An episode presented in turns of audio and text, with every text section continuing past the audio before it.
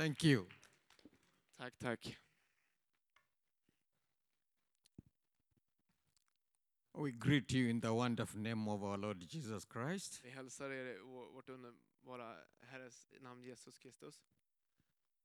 And uh, we are happy to be here before you. Vi är väldigt glada att få vara här med er.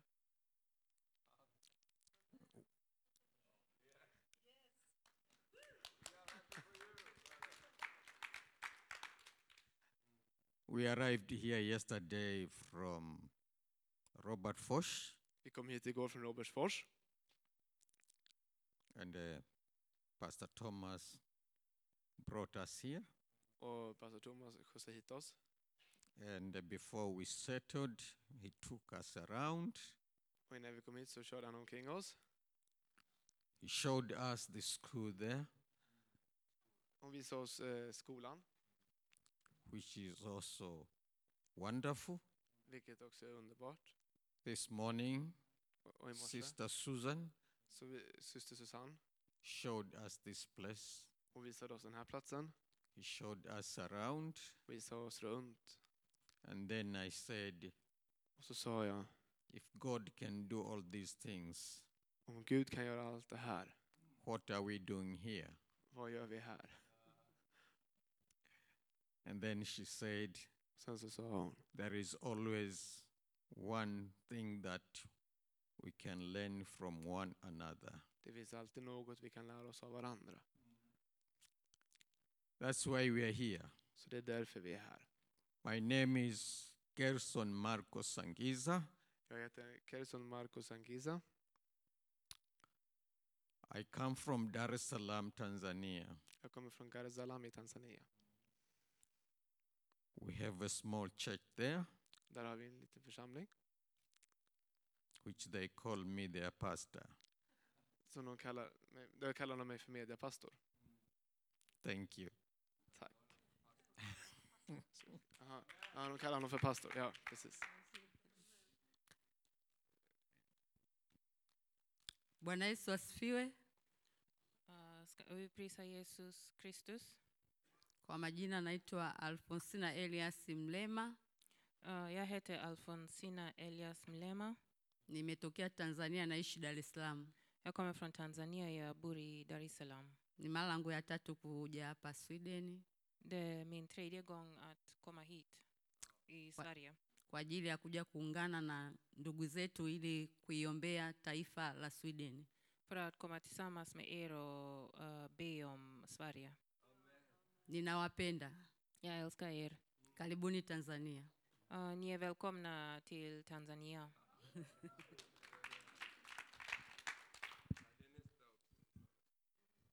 Mi kwa jina naitwa Liziki Jackson. Jag heter Riziki Jackson. Uh, natokea Kigoma, Tanzania. Jag kommer från Kigoma, Tanzania. Nampenda Yesu Jag älskar Jesus. kama mnavyompenda Yesu. Uh, så som ni också älskar honom. Uh, ndiyo maana tumekuja ili tushirikiane kumwomba Mungu. Och det är därför vi har kommit hit för att uh, uh, be till honom tillsammans.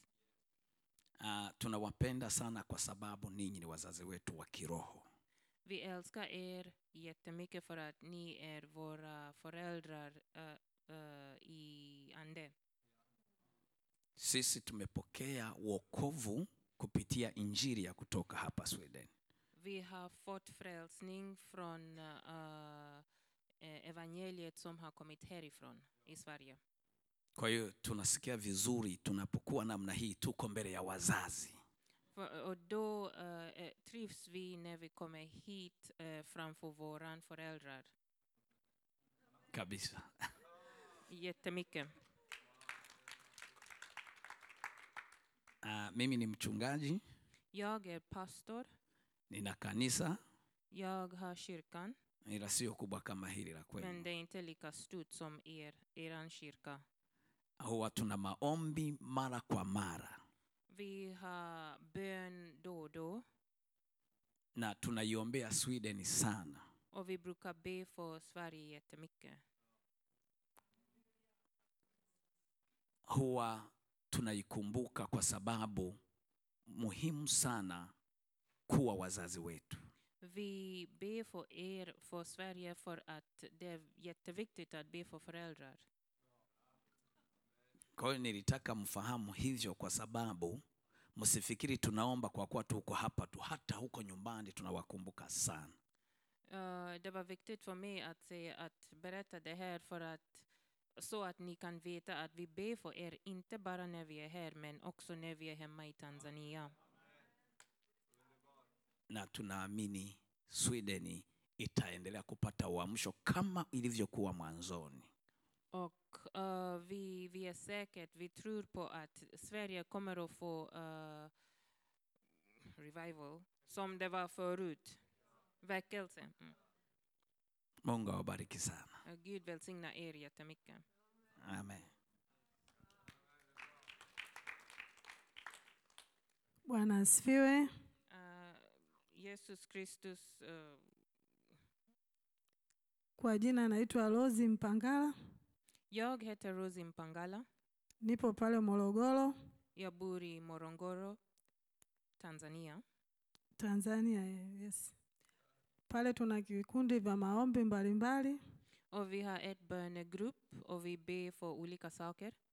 Tuna kikundi ambacho kinaingia asubuhi saa kumi na moja na mchana saa nane Det finns ett grupp som kommer eh, klockan fem på morgonen och sen ett grupp som kommer klockan 14 na saa mbili ya usiku. och sen ett grupp som kommer klockan 20 på kväll. Tun, tunakumbuka nchi mbalimbali, Vi ber för olika länder. Burundi, Rwanda, hata hapa Sweden pia Burundi, Rwanda, Sverige. na pia hata nchi tunakumbuka, kwa maana nyinyi ni wazazi wetu. Sweden ndo tunaikumbuka mno. Och vi ber för er för att ni är våra föräldrar. Mest för att vi, ni är våra föräldrar. walipokuja kutuletea wokovu pale Tanzania. När ni kom med frälsningen till Tanzania, vi kom ihåg det. Ndio maana tuna uchungu sana. Ndio maana hata hapa nilipo nina watoto watatu, ni wadogo, lakini kwa kuwa ni mzigo nilionao, ndo nimefika mahali hapa Sweden. Uh, det är därför, även om jag har tre små barn, uh, jag, jag tänkte att det var viktigt att komma hit och be med er. Tutaendelea kuwakumbuka na naye tu, tuwe pamoja kwa ajili ya kusukuma gurudumu la Bwana. Tusizimie moyo, Bwana yupo na kanisa la Mungu litakuwa juu. Vi kommer att fortsätta att be för er och uh, jag uppmuntrar er att glöm inte uh, uh, Herren för att det är det enda väg. Mungu awabariki. Karibuni sana Tanzania. Gud välsigna er och ni är välkomna till Tanzania.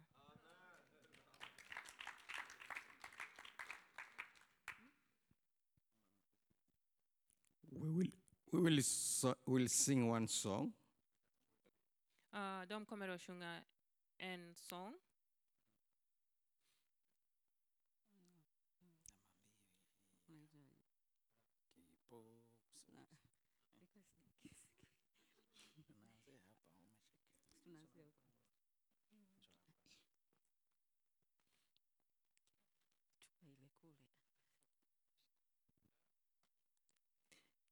Kipo kijito cha damu ya Yesu Mwokozi wetu, kioshacho kioshacho wakosaji dhambi na uchafu.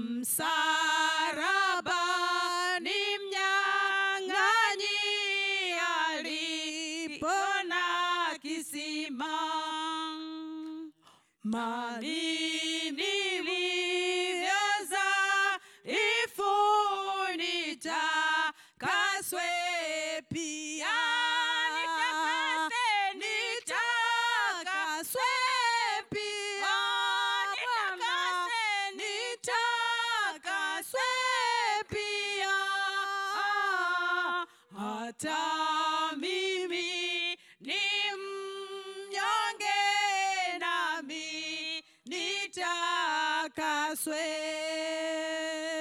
e mokozi damu yako siku zote ina nguvu kuokoa kuokoa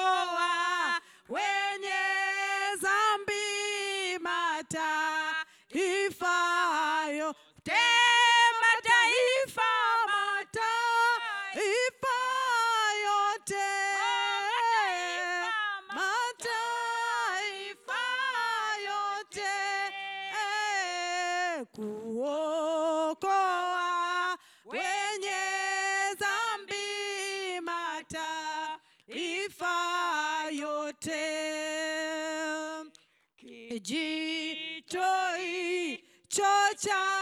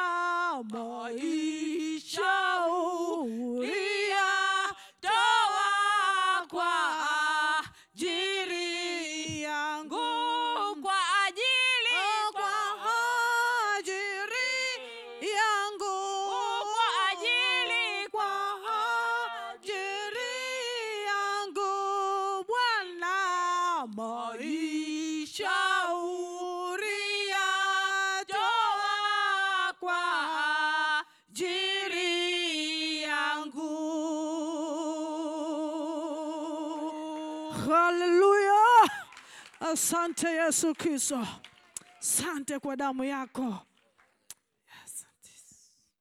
Thank you. We are also Swedish people. Tack, vi är också svenska. Inside us, På vår insida, if you check our blood, om du kollar vårt blod, spiritual blood, vårt andliga blod, we are also Swedish. så flyter det också svenskt blod. These songs came from here. För den här sången kom härifrån. And uh, this song says, Och den här, så, texten lyder, There is a stream det finns en, en ström that washes with the blood. som tvättar med blodet. It washes sinners Som, t- som renar syndaren clean. ren. Even me, Även mig, a sinner, är en syndare. it can wash me. Och det kan rena mig. And then I have trusted you, Lord, Så jag har satt min, min lit till dig, Herre. because you can wash me. För du kan rena mig. It is only the blood of Jesus that can wash us För det är bara Jesu blod som kan tvätta oss and rena. make us able to face our Lord Jesus Christ. Som gör att vi också kan stå inför vår Herre Jesus This is the meaning of this song. Det var den här sången I think om. you know it. Jag tror ni kanske känner igen den. Thank you. Tack, tack. And thank you again. Tack er.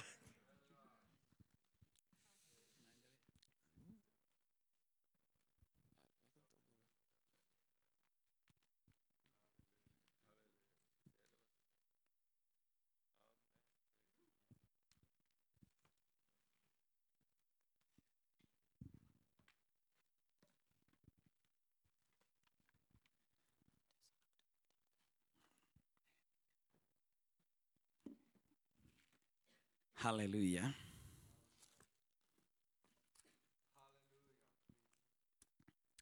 Uh, tunamshukuru mungu.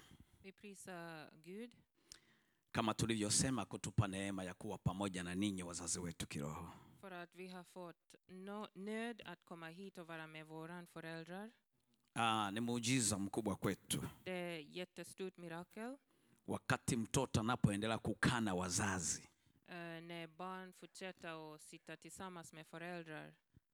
nafikiri hata mzazi anafurahi kuona mtoto Och till och med föräldrar, de, de eh, har roligt, alltså de trivs att vara med barn. ni jambo linalobariki sana Det är någonting som uh, välsignar jättemycket. Ah, ni kweli kama walivyosema tuko watu thelathini na mbili Vi är 32 Ah, tumepata neema ya kuja kuungana na ninyi ili kumwambia Mungu ili Mungu atusaidie na kutuwezesha kuirudia Sweden. och vi har kommit tillsammans uh, för att be med er så att uh, Gud kan uh, vända Sverige tillbaka till honom. Kwa hiyo Mungu ni mwema na amesema na sisi vitu vingi sana tangu tulipoanza kuendelea kuombea nchi hii. Och Gud har sagt jättemycket till oss uh, sen vi började be för Sverige. Kwamba Mungu hatoisahau Sweden, Och Gud har sagt att han kommer aldrig att glömma Sverige. kwamba Mungu atairudia Sweden. Att Gud ska vända sig uh, till uh, Sverige igen. Na tunajua Mungu anaposema Och vi vet att när Gud har, har talat, inawezi kawahi, det kommer att hända. au inaweza kachelewa, Det, kommer, det kan dröja, lakini tatimia tu. men det ska hända. Wakati mwingine kizazi hiki kisione matokeo, Kanske inte den här generationen som kommer att se eh, det som Gud har sagt. lakini kizazi kijacho kikaona matokeo aliyosema Mungu. nästa generation kommer att se ändå det som Gud har sagt. Ndivyo Mungu alivyo. Det är så Gud eh, är. Tusikate tamaa, Eh, vi ska inte ge upp. Mungu anaweza. Gud kan. Tutazame maneno ya Mungu katika kitabu cha Nehemia Vi ska kolla Nehemia.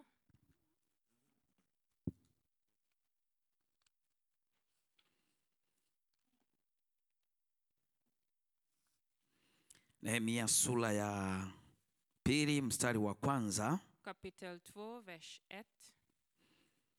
na tutasoma na kuendelea pale chini kidogo. Vi ska läsa och fortsätta lite grann.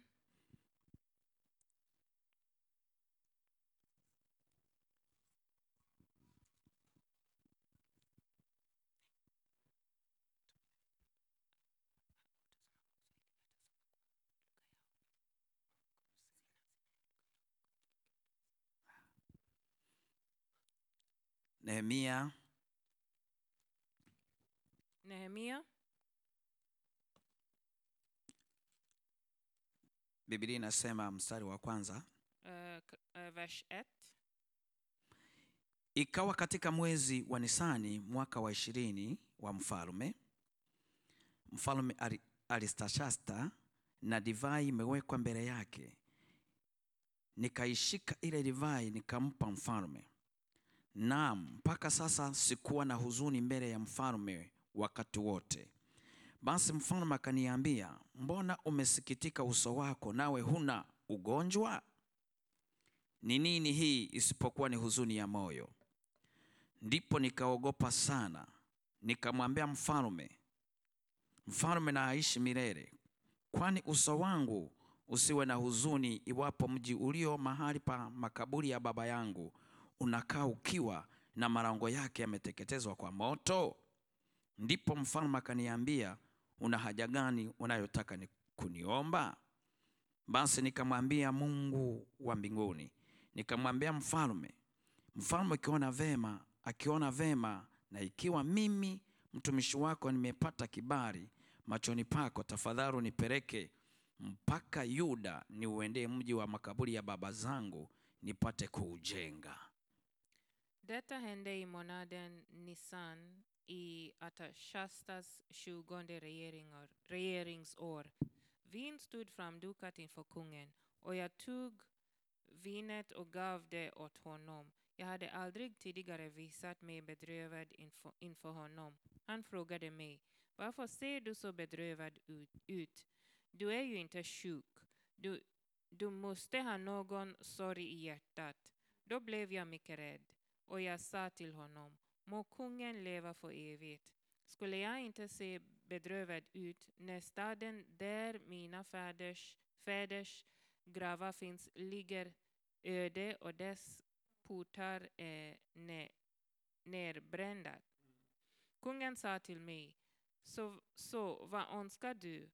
Då bad jag till himlens Gud och svarade sen kungen, om det behagar kungen och om din tjänare funnit nåd inför dig, så sänd mig till Juda, staden där mina fäders grävar finns, så att jag kan bygga upp den igen.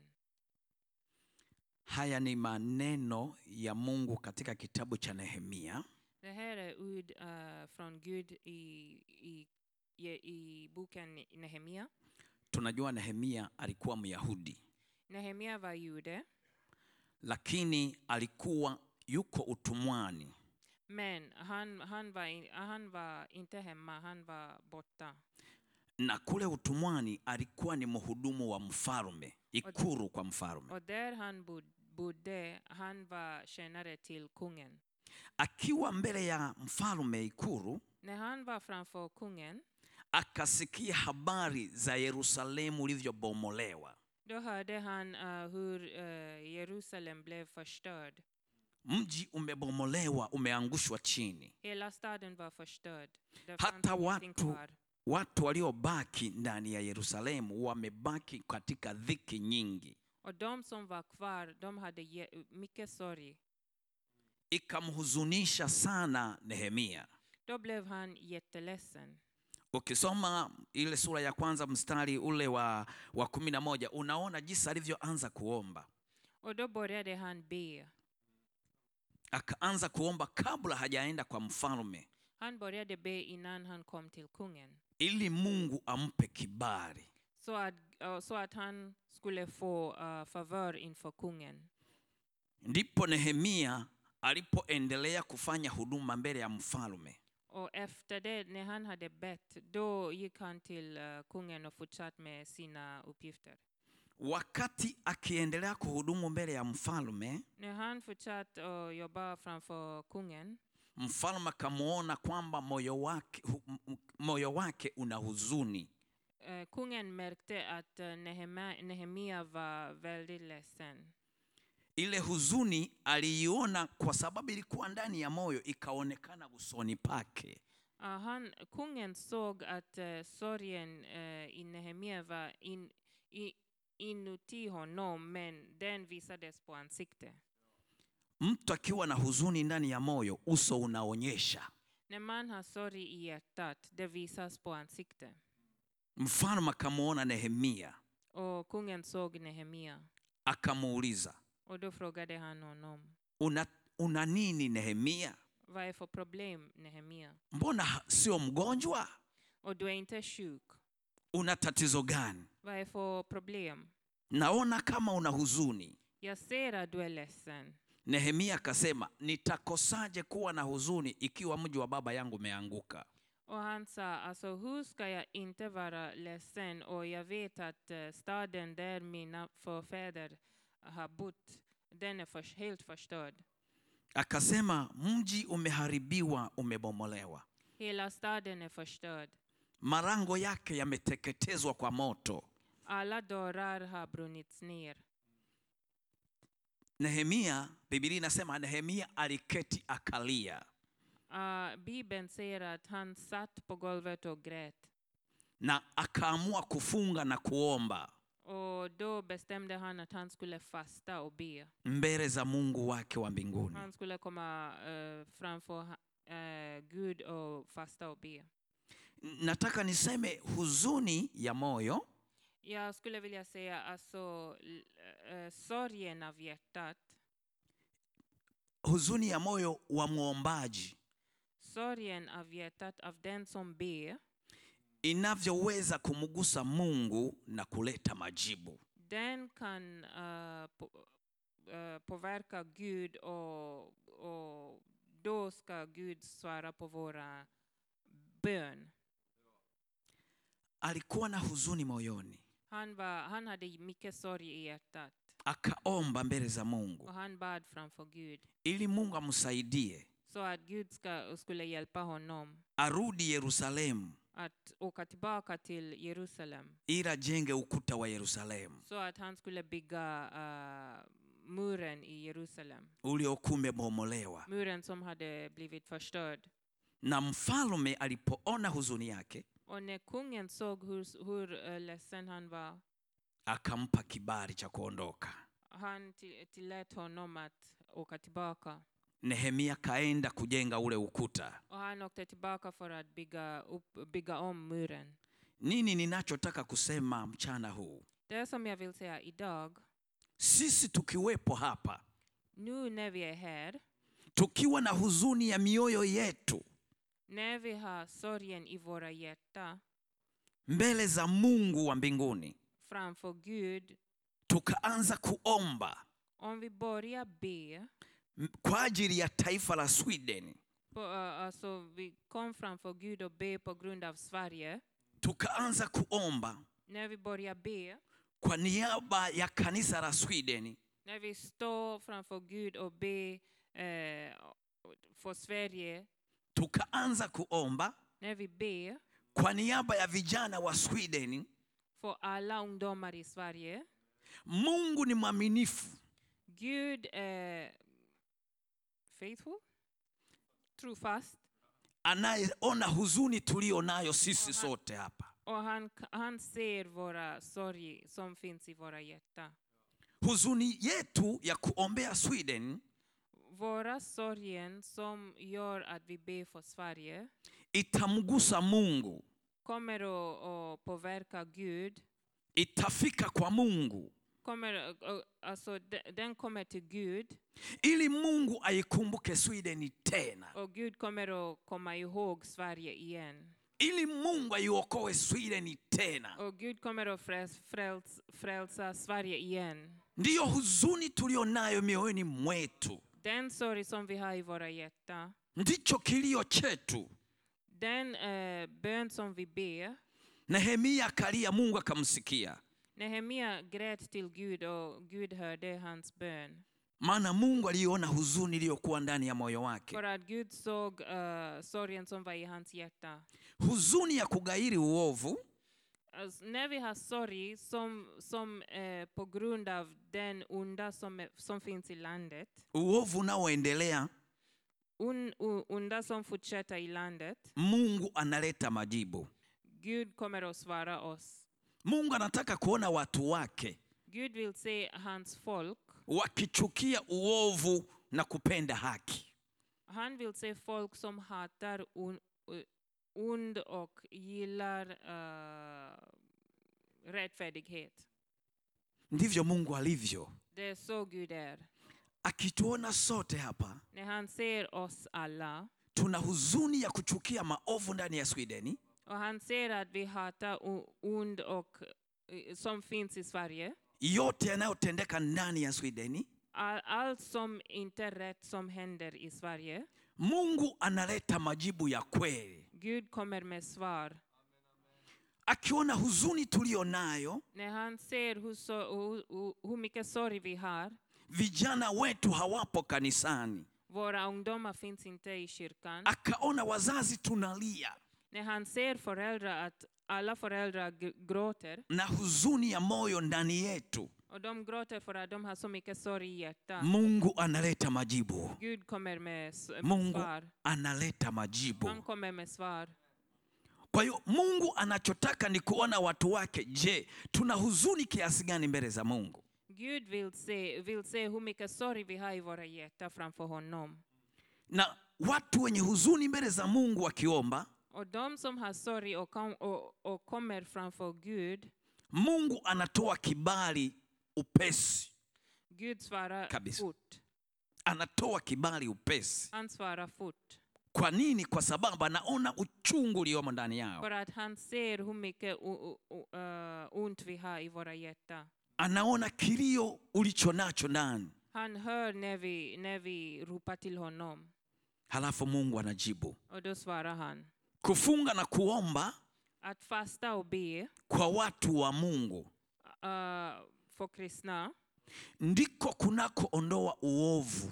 Det är det som gör att, uh, som tar bort ondska i landet. ndani ya taifa Uh, I landet, ndani ya kanisa i kyrkan, ndani ya jamii husika. I samhället. Katika jamii kuna mambo maovu yanafanyika. Hatuwezi kuyatoa kwa kupambana kukaa vikao.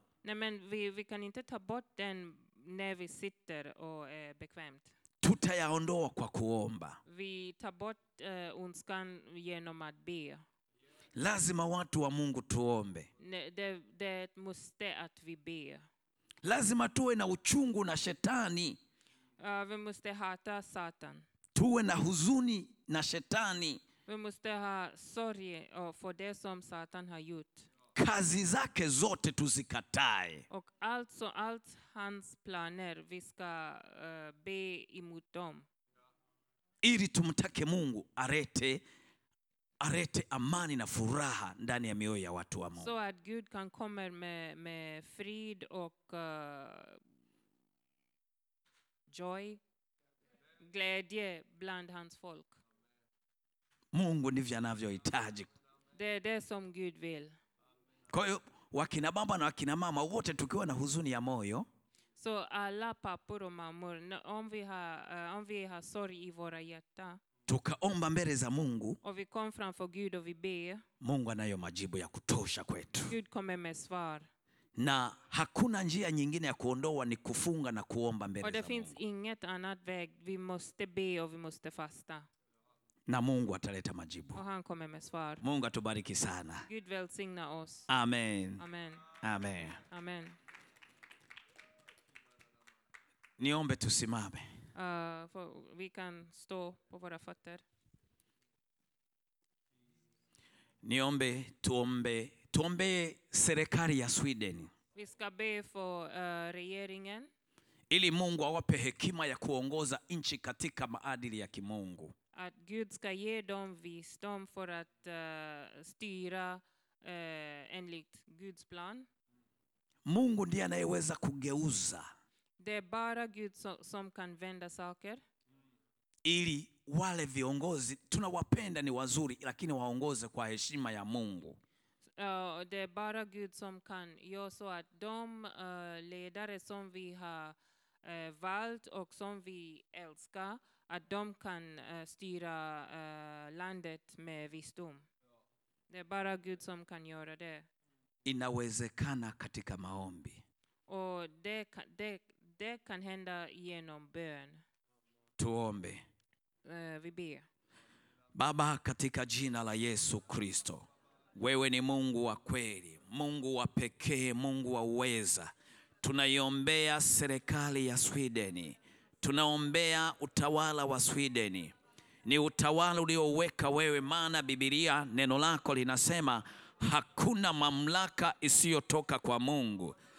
Hiyo mamlaka umeiweka wewe, na kwa sababu umeiweka wewe, tunaomba Bwana ufanye kama ulivyo Mungu, katika jina la Yesu Kristo. Ingiza moyo wa utiifu ndani yao, ingiza moyo wa kukuogopa wewe Mungu ndani ya serikali yetu ya Sweden katika jina la Yesu Kristo wa Nazareti, kama Nehemia alivyoomba kabla hajafika kwa mfalme kuomba kibali cha kwenda kuujenga ukuta wa Yerusalemu ulioangushwa na kuanguka. Baba akasema, naomba utoe kibali, naomba Bwana utangulie. Akalia na kuomba na kufunga Bwana mbele zako, na wewe Bwana ukatoa majibu. Ndiyo maana ulimudhihirishia mfalme Nehemia alipokuwa kihudumu akipeleka kinywaji na, ki, na chakula mbele ya mfalme. Mfalme akaona Nehemia na huzuni, hata kama hakuwa na huzuni, lakini katika ulimwengu wa roho uliifunua ile huzuni iliyoonekane, na hatimaye utimize ulichokusudia kufanya, katika jina la Yesu. Bwana Mwokozi mwema, tuko mbele zako Mungu wa mbingu na nchi kwa ajili ya taifa hili. Bwana, simama kama Mungu. Bwana, simama kama Baba. Bwana, simama kama mfalme. Bwana, simama kama ngome. Bwana, simama utawale ili taifa Baba unalipenda tangu mwanzo. Mungu liliinua ukalitumia kupeleka injili duniani kote, hata kwetu Tanzania, hata kwetu Afrika, watu tukapokea injili na leo Bwana, ni matunda yao Mungu, tuko hapa tena ili kunena na wewe kwa habari ya taifa la Sweden katika jina la Yesu Kristo wa Nazareti. E Mungu wa mbingu na nchi, tunaomba utusikie tunapoliombea taifa, taifa la Sweden, taifa zuri, taifa Bwana uliolichagua wewe. Tunaomba Bwana na serikali ulioiweka wewe, simama kama Mungu, simama kama Baba, simama kama Bwana, simama kama ngome, simama kama kimbilio. Geuza mioyo ya watawala hawa. Ikuogope wewe Mungu, ikuogope wewe Bwana, ikutii wewe Bwana, ikuheshimu wewe Bwana, ikatetemeke mbele zako Mungu, serikali katetemeke na kuona kwamba Mungu, yale yanayoweza kutoka katika mipango yao yasiyokupa utukufu Mungu, yasipate kibali tena katika jina la Yesu, bali mkono wako usimame, mkono wako usimame, mkono wako utawale, mkono wako utende kazi katika jina la Yesu Kristo wa Nazareti. Wewe ni Mungu wa kweli, wewe ni Mungu wa amani. Bariki Bwana wananchi wa Swideni, achiria neema yao ya, neema yako ndani yao ya kukutafuta, neema yako ndani yao kaiachirie. Gusa wakina baba, gusa wakina mama, gusa vijana wa kike na wa kiume katika jina la Yesu, katika jina la Yesu. Jitukuze Mungu tunayekuamini na kukutumikia, jitwalie utukufu Bwana. Simama kama Mungu Bwana, simama kama mfalme Bwana, simama kama ngome Bwana. Tunakusi ujidhihirishe Bwana, tunakusi utawale Bwana, tunakusi uonekane Bwana, kwa uweza wa jina la Yesu Kristo wa Nazareti kwa uweza wako na ukuu wako. Wewe ni Bwana tunayekuamini, wewe ni Bwana tunayekutumaini, wewe ni Bwana tunayekuita, wewe ni Bwana ambaye Mungu umetuleta ndani ya taifa hili ili kusema na wewe pamoja na wapendwa wetu, ili tushirikiane tuseme na wewe kwa uweza wa jina la Yesu Kristo, kwa nguvu yako na uweza wako, ukatawale na kumiliki Bwana,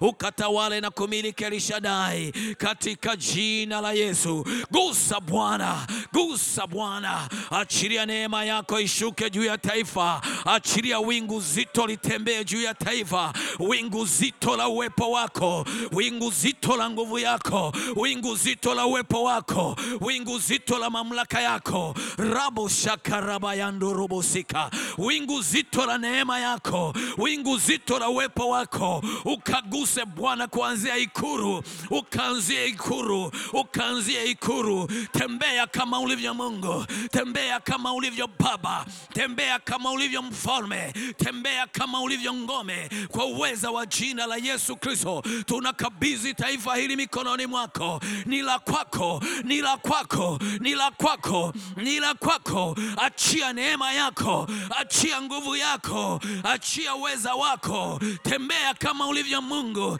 tembea kama ulivyo Baba ndani ya taifa la Swideni katika jina la Yesu Kristo aliye hai. Wewe ni Mungu aliye hai.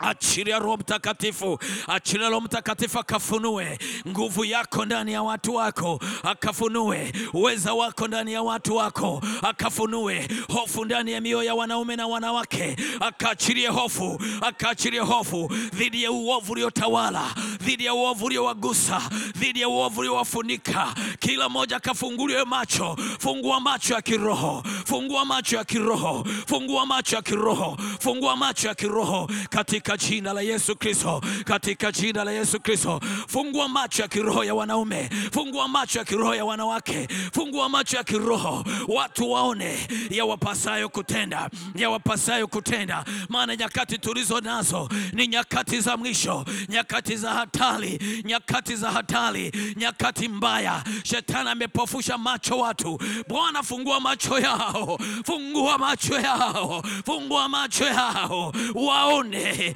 waone, waone na kufunguliwa katika jina la Yesu Kristo, katika jina la Yesu Kristo. Yale macho yaone, yale macho yaone, yale macho yaone, yafunguliwe, maana wewe ni Bwana, unalipenda taifa la Swideni, unalipenda taifa la Swideni, unawapenda watu wa Swideni, unawapenda watu wa Swideni. Mungu wa mbingu na nchi, umeachilia neema kwao, umewaachilia neema kwao, ukiwainua wakujue, ukiwainua wakutambue, ukiwainua wakuelewe, watembee na wewe kwa mamlaka jina la Yesu Kristo. Baba, ninakuheshimu. Baba, ninakuinua. Baba, ninakupa sifa, maana ni Mungu wa kweli, hakuna mwingine kama wewe. Ulivyokuwa zamani ndivyo ulivyo, ulivyotenda ndivyo navyotenda, ulivyomiriki ndivyo navyomiliki. Ni wewe yule jana, leo na hata milele.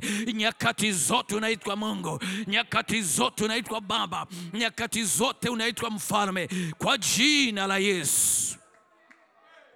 Ndiyo Bwana, ndiyo Bwana ukasimame kama Mungu, ukasimame kama Baba, ukasimame kama mfalme, ukasimame kama kimbilio, ukasimame kama tumaini, kwa uweza wa jina la Yesu Kristo, kwa uweza wa jina la Yesu Kristo. Neema yako ni kuu Bwana, ukatende kama Mungu kwa kujidhihirisha katikati ya watu wako, kwa jina la Yesu Mwokozi. Ninakupa heshima na utukufu Bwana, ninakupa heshima na utukufu Mungu wa uzima. Asante kwa kuwa wewe ni Mungu wa kweli, utafanya na utatenda katika jina la Yesu Kristo, amen. Tuombee vijana wa Sweden. Let us be for, uh, ungdomar i Sverige. Vijana wetu tunawapenda, Vi älskar våra ungdomar. tunataka tuende nao mbinguni. Vi vill uh, go till himlen med dem. Musa anamwambia Farao, Uh, Mos Mose sa till farao, tunawataka vijana wetu tuende nao, vi vill, vi vill flytta med våra ungdomar. hatuwezi kuwaacha Misri. Vi kan inte lämna dem i Egypten. Maana yake hawawezi kuwaacha dhambini. Vi kan inte lämna dem i, i synd. Tunakwenda nao katika nchi ya ahadi. Vi ska, vi ska flytta med dem till uh, land, uh, landed there Gud has sent us. tukamtumikie Mungu pamoja na vijana Vi wetu, ska tjäna Gud med våra ungdomar. na si tuombe Mungu atuletee vijana wetu, Och så nu vi ska be för våra ungdomar också. tuwe nao katika safari ya kwenda mbinguni. Att vi ska, och vi ska resa med dem till himlen. Tuombe. Lå- Låt oss be. Baba yetu na Mungu wetu, Baba yetu na Mungu wetu, Fader oh good, tunakushukuru, we, we, we are tacksamma till day. tunakuja mbele zako tena we come, uh, from for day igen tukiombea vijana wetu wa Sweden. och vi ber för våra ungdomar i Sverige. Tuna vijana wa kike na wa kiume, Vi har, vi har ungdomar, uh, pojkar och flickor. tunawahitaji waje katika wokovu, Och vi behöver att de får frälsningen. watoke kule shetani alikowakamatia Och de, de kommer lös från därifrån. Uh, Satan har dem. Shetani amewafungia kule nje, Satan har, ha, ha låst dem där ute.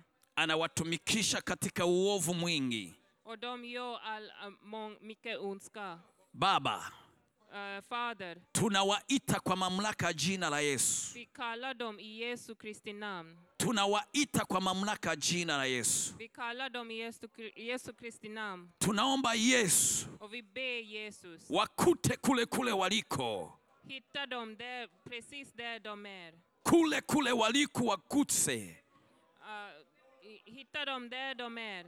waguse, Hitta dem waguse waje kwako. Och kom tillbaka och få dem tillbaka till kyrkan. Tunataka tuwe nao, Vi vill vara med dem katika safari ya kwenda mbinguni och vi vill resa med dem till himlen. katika jina la Yesu. I Jesu Kristi namn. Tunawafungua Och, och vi öppnade dörren. katika minyororo ya shetani, Vi kommer, vi kommer emot allt som Satan har, har låst dem i. wafunguliwe, Wafunguliwe.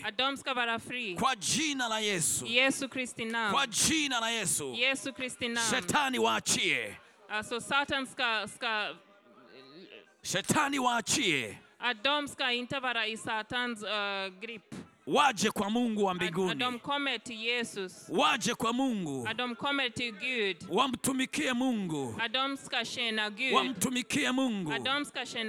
Katika roho na kweli. Aso i, i ande o i shell. Yesu wa mbinguni, naombu naomba tusikie Bwana, vi ber att du hör oss. sikia kilio chetu, Lyssna till våran rop. sikia huzuni tulionayo mioyoni Se hur mycket sorg vi har kwa ajili ya vijana på wetu, grund av våra ungdomar. ili waokolewe. Att de ska vara frälsta. Shetani lengo lake Alltså Satan, hans, hans mål, yeye anataka kuwanyonga, han vill förstöra dem. Yeye anataka kuwaua, nasi tumekataa. Hatutaki wauawe na shetani, tunataka wakombolewe, waokolewe, warudi katikati ya jamii yao, tufurahie pamoja nao, tukikutukuza wewe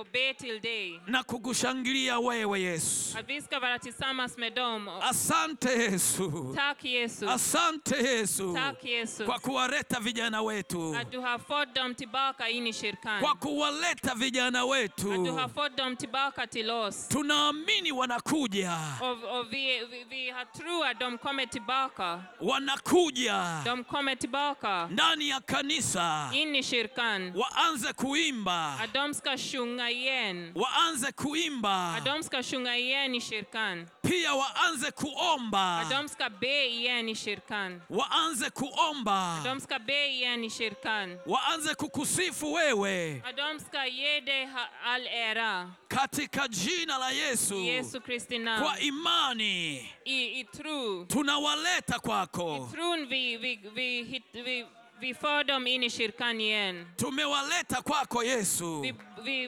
med dem inför dig Jesus. Asante Yesu Tack Jesus. kwa kumefanya, För att du har gjort kwa kumetenda, att du har gjort det. maana tunawapenda, För att vi älskar våra ungdomar. tunawapenda watoto wetu, Vi älskar våra barn. vijana wetu Ungdomar. wa kike na wa kiume, Flickor och pojkar. ili wakutukuze wewe Yesu. Att de ska ge dig ära, äran Jesus. Asante Yesu Tack Jesus. kwa kuwa wewe ni mwema, För att du är god. mwenye huruma du är nådefull. na rehema vinapatikana kwako. Jesus. Tunakushukuru Kwa kumefanya. katika jina la Yesu, Yesu Kristi. Bwana na mwokozi wetu. Oh. Amen, amen. amen, Amen. haleluya. Halleluja. Amen. Vi kan prisa Gud lite med en sång här och så går vi vidare. Amen. Amen. Tutaimba kwanza alafu ndio tutaendelea. Halleluja, halleluja. Shibaralaba. Det här är jättebra. Amen. Det är så bra att be, eller hur? Amen. Vi ska inte lämna någon kvar. Alla, alla, alla ska med. Amen. Ni Amen. vizuri tukiwa pamoja Mose na sa, vi tuombe, lämnar ingen hatutaacha kvar i yeyote Egypten. Vi nyuma. lämnar ingen kvar i Egypten. Musa Alla ska alisema med. hatawaacha yeyote nyuma, Amen. Nasi vi tusiache yeyote Gud, nyuma. alla ska med, alla ska in. Tumlilie Mungu. Halleluja, amen, amen. Jesus, vi lyfter upp ditt namn. Jesus, vi lyfter upp vårt land. Du är solen som går upp och lyser över oss. Anden, du är vattenströmmarna som renar oss förnyar oss. vårt land. Vårt land ska bli helig mark, vårt land ska bli helig mark, vårt land ska bli helig mark. Jesus, du är kung här. Vårt land ska bli helig mark, vårt land ska bli helig mark, vårt land ska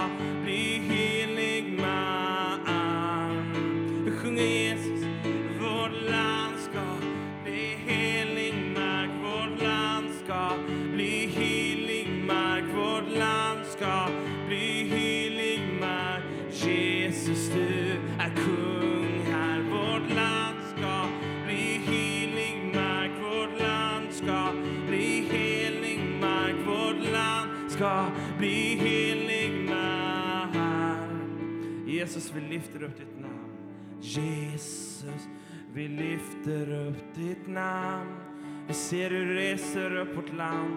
Vi ser hur du reser upp vårt land till att böja sig, till att böja sig för dig och ropa ut ditt namn. För du blåser liv, för du blåser liv i oss så att vi står i brand.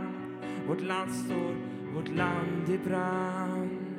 Oh, oh, vårt land ska, för vårt land ska bli helig mark. Vårt land ska bli helig mark. Vårt land ska bli helig mark. Jesus, du är kung här. Vårt land ska bli helig mark.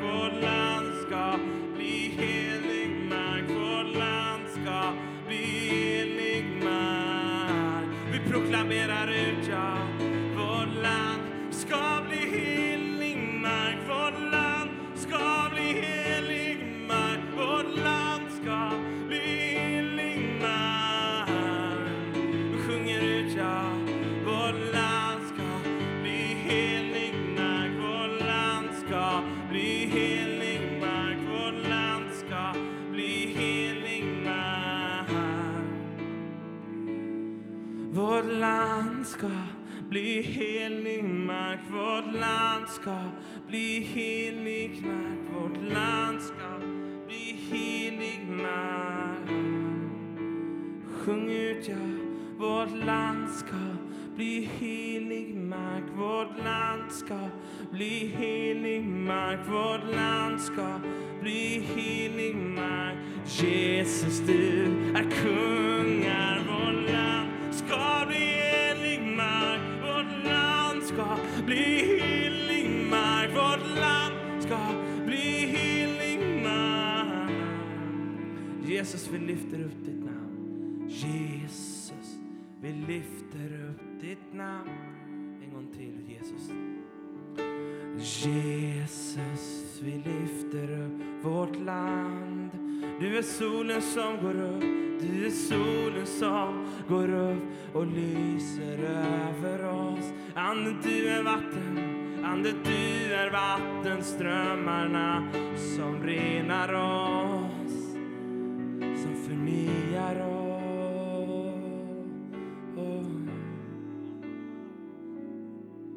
Vårt land ska bli helig mark. Vårt land ska bli helig mark. Vårt land ska bli helig mark. Jesus, du är kungar. Vårt land ska bli helig mark. Vårt land ska bli helig mark. Vårt land ska bli helig mark. Vårt land ska mark. Vårt land ska bli helig mark. Vårt land ska bli helig mark. Jesus, du är kungar. Vårt land ska bli helig mark. Vårt land ska bli helig mark. Vårt land ska bli helig mark. Oh, oh. oh.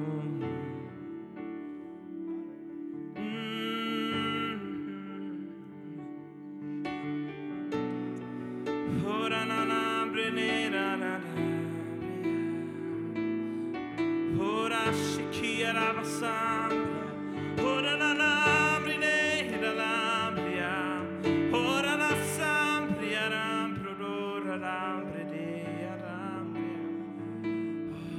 vårt land ska bli helig mark. Vårt land ska bli helig mark. Vårt land ska bli helig mark. Jesus, du är kung. Vårt land ska bli helig. Om vårt land ska bli helig mark. Vårt land ska bli helig mark.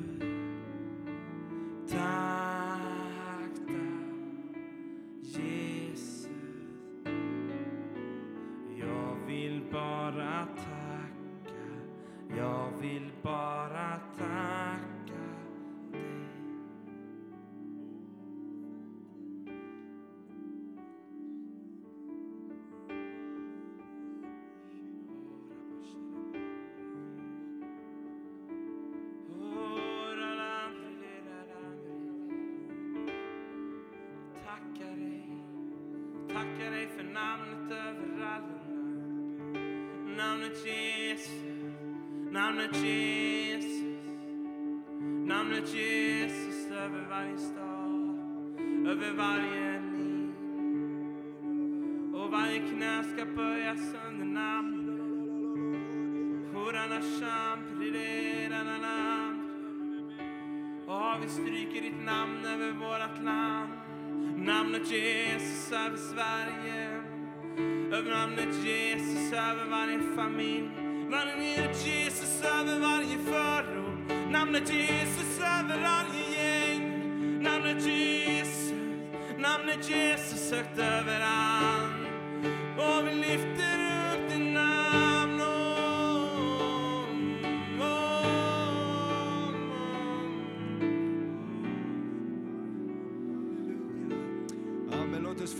fortsätta lite stund och be för det här just eh, när min broder där talade om att Mose, han sa till farao, vi går inte förrän alla är med.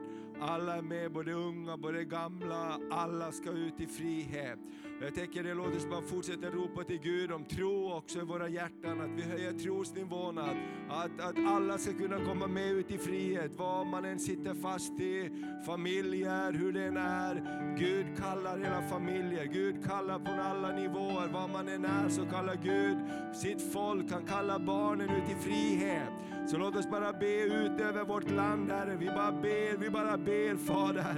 Åh, vi ber för vårt land Herre, vi ber Herre så som Mose ropade. Åh, han sa till farao, släpp mitt folk, släpp mitt folk, släpp mitt folk. Och Jesus, du har köpt varenda en fri. Du har köpt Sverige fri med ditt blod. Du har köpt alla fri i detta land, Herre. Och vi ber frimodiga böner, Herre, att folket ska släppas fri för att komma till dig, Herre. De som sitter fast i mörker, i bundenhet, i religiös fångenskap, vad det än är, Herre, så bara ropar vi ut att släpp mitt folk, släpp mitt folk. Vi säger till Satan, du har ingen rätt att hålla människor i fångenskap. Du har ingen rätt att hålla mörker över landet. Så vi bara begär, Herre, ljus att komma.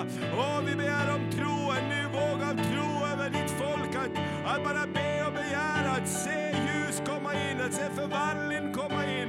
Oh, rabashina, lalabakia, lalamasololomodia. bakia la. Oh,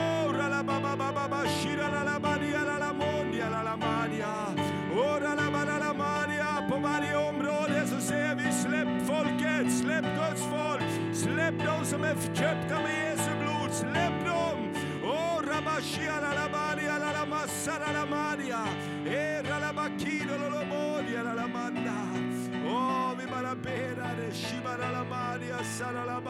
för barnen Herre, för ungdomarna Herre, för familjerna, för de äldre Herre. Åh, vi ber att Jesus ska få komma in på varje område i detta land Herre. Han ska få komma in i skolorna, i förskolorna. Vi ber för förskolorna, och förskolorna, där man försöker stänga ute Jesus. Vi ber om dörrar ska öppnas så att Jesus får komma in på förskolorna och skolorna i detta land som aldrig tidigare.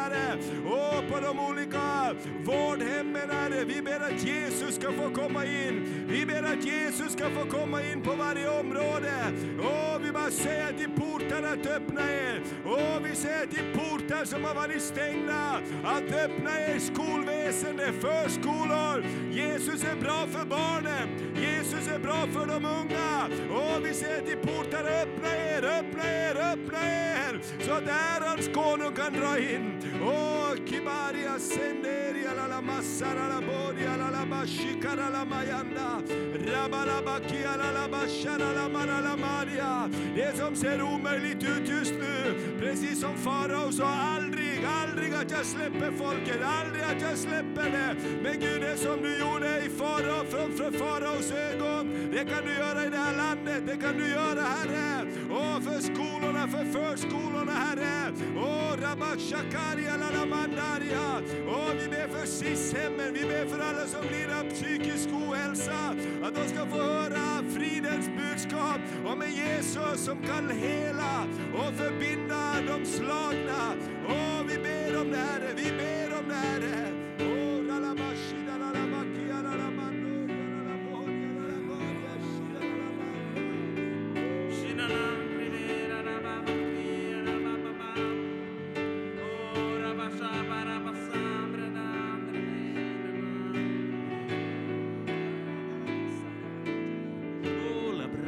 brakalagassakaya, ola brakalakataya. Ja, vi kallar er ungdomar. Ni har en kallelse i detta land att komma ut i frihet. Vi kallar er. Vi ska ut. Vi ska ut ur Egypten. Vi kallar er. Oh, halleluja. Oh, vi kallar er att komma. Komma med tåget. Komma med marschen. Komma med. Vi kallar er. Vi kallar er ungdomar från norr, från söder till väster och öster. Komma, komma in, komma och möta Jesus. Vi ska hålla gudstjänst. Vi ska möta Jesus. Och vi kallar er. Unga som gamla, kom in i er kallelse. Kom in i er kallelse. Jesus kallar på er. Åh, Jesus kallar på er. Vi ska gå, vi ska ut. Vi ska ut. Åh, vi kallar på er. Åh, kom och möt Jesus. Inget är något hinder. Det finns inget hinder. Jesu blod renar från all synd. Kom utan skuld. Kom Du är förlåten. Du är förlåten i detta land. Vad du än har gjort i detta land. Du är förlåten. Jesu blod talar över det här landet.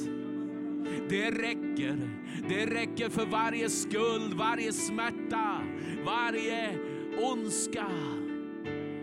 Du är förlåten. Kom, kom, kom. Från den minste till den störste. Ingen skuld är för stor. Ingen synd är för mäktig. Alla synder togs på korset på Golgata. Så kom, kom till Jesus. Amen.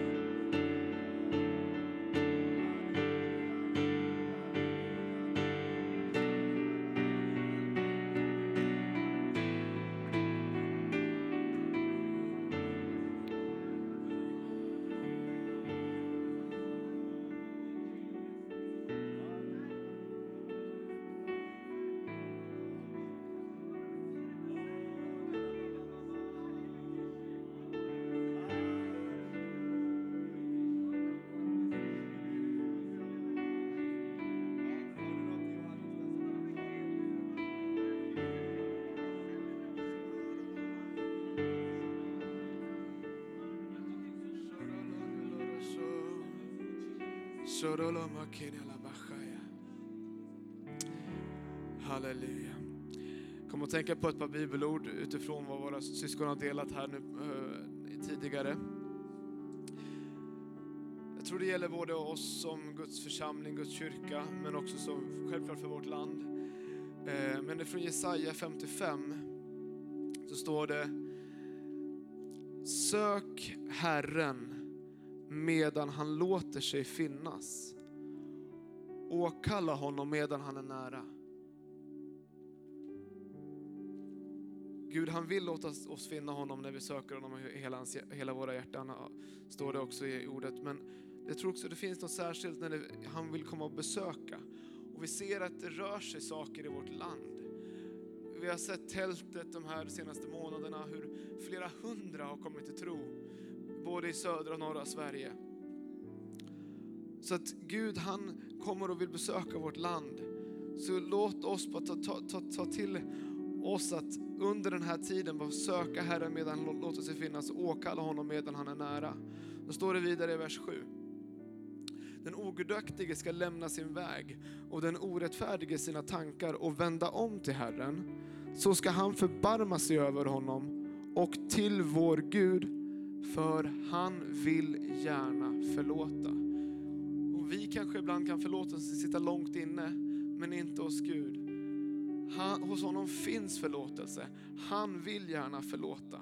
Och det, det är också så, så, så lätt att när, när, när, när vi i bö, kommer så här i bön inför Gud och verkligen träder in på helig mark. Att vi blir också så medvetna om vår, eget, vår egen synd. Vi som är här, vi längtar efter att få se Guds rike komma. Det är därför vi är här. Men ändå så blir det att när vi kommer in i Guds närhet och hans helighet så blir det ändå att ljuset kastas över våra hjärtan. Och då är det bara, tycker jag var så fantastiskt att bara se att ja, men finns det någonting vi behöver överge i våra liv? Om det är någonting vi behöver vända om från, så vill Gud gärna förlåta. Och han vill låta sig finnas. Låt oss söka Herren medan han är nära. Halleluja, halleluja. Halleluja. Rosobakonio loterele miacho rosekenia. Shebodoria la makirele de beha, sono la bakirele dea. Shobara la makirele tere de beha. O bara sala la makire kenya lodo sala la baya. Ora se le bea. Ora la bakuria la sede bekonia la sada desitea. O Herre, våra hjärtan söker dig. Vi tackar dig att du rör dig i vårt land. Tackar dig att du låter dig finnas av oss. Och vi vill åkalla dig medan du är nära. Och för vi vill komma dig ännu närmare. Vi vill leva nära dig och vi- vill se ännu mer av dig i våra liv, i våra hjärtan, i vår stad och i vårt land. I Jesu namn. Theborokanyo lodora siechukonya. Lerio totoporia lana machuchidikanyo. Lioro sanana bokenelebeka. Lora salana mosjera la baki. Liaro solo lampore le keria. Le borio sonana maki. Liora sanamori sikecho do dombara sethjera la maya. Och Herre, jag ber att du ska, du ska ge omvändelse, skänka omvändelse. Och till, till hela vårt folk, till hela vårt land. Till den som sysslar med ogudaktighet och orättfärdiga tankar och vägar. Skänk omvändelse så att vi kan få vända om till dig Herre. Men börja med oss. Börja med oss som är ditt folk. Börja med oss som är din kyrka. Och tacka dig Gud att du vill förbarma dig över oss. Tack att du gärna vill förlåta. Och du vill upprätta. Och du vill föra oss framåt tillsammans med dig på dina höga vägar. För du säger, mina tankar är inte era tankar och era vägar är inte mina vägar. Nej, liksom himlen är högre än jorden så är mina vägar högre än era vägar och mina tankar högre än era tankar. Och liksom regnet och snön faller från himlen och inte återvänder dit, utan vattnar jorden så att den blir fruktbar och grönskar och ger säd till att så och bröd till att äta, så ska det vara med ordet som går ut från min mun. Det ska inte komma tillbaka till mig förgäves, utan att ha gjort vad jag vill och utfört vad jag sänt det till. Halleluja. Shobarachandjalalabakiriledea. Shobarjalakathirelemechikerialanamaya. Och så Fader, vi tackar dig att du är nära. Att vi får söka dig. Tack att dina tankar, dina vägar är så mycket högre och bättre än vi kan tänka eller föreställa oss. Tack att ditt ord är kraftfullt. Tack att du kommer låta det du har lovat få gå i fullbordan. Både för våra liv och för vår stad och för vårt land. I Jesu namn. Jesu namn. Shakambaralaka. Shibotorialamaki relamashi. Subotorialanamaki relakodiolamashi oralabaki. Hallelujah. Lokabasir lekathieralamashi. Hallelujah.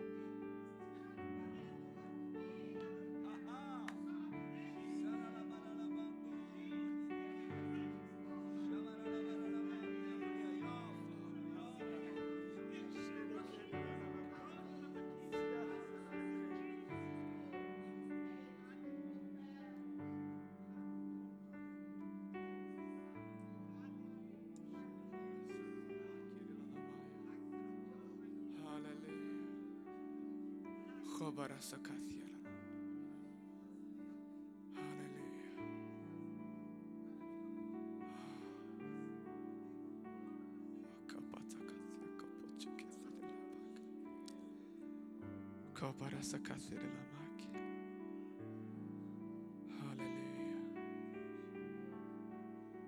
Oh, Gud, vi tackar dig att du verkligen är nära oss just nu. Tack för din, din närhet. Tack för din helighet. Vi älskar dig. Vi älskar dig. Vi ärar dig. Vi vill lyfta upp ditt namn. Tillbe dig. Du är värdig. Du är värdig. Du är värdig.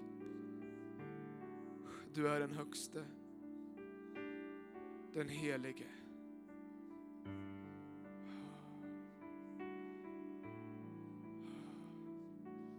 Tack Herre att du, har, att du har utfört ditt verk.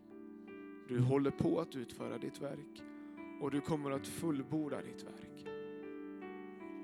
Halleluja. I Jesu namn. Sukotidelamaya. Tack för att du vill befria ditt folk. Du vill låta ditt folk få vända om från det som är orättfärdigt, till, från det som är ogudaktigt. Till dig, till din vilja, till dina höga vägar. Till renhetens väg och kärlekens väg. Nära dig, nära dig, nära dig. Jesu namn. I Jesu namn. Thiakopora salabaki.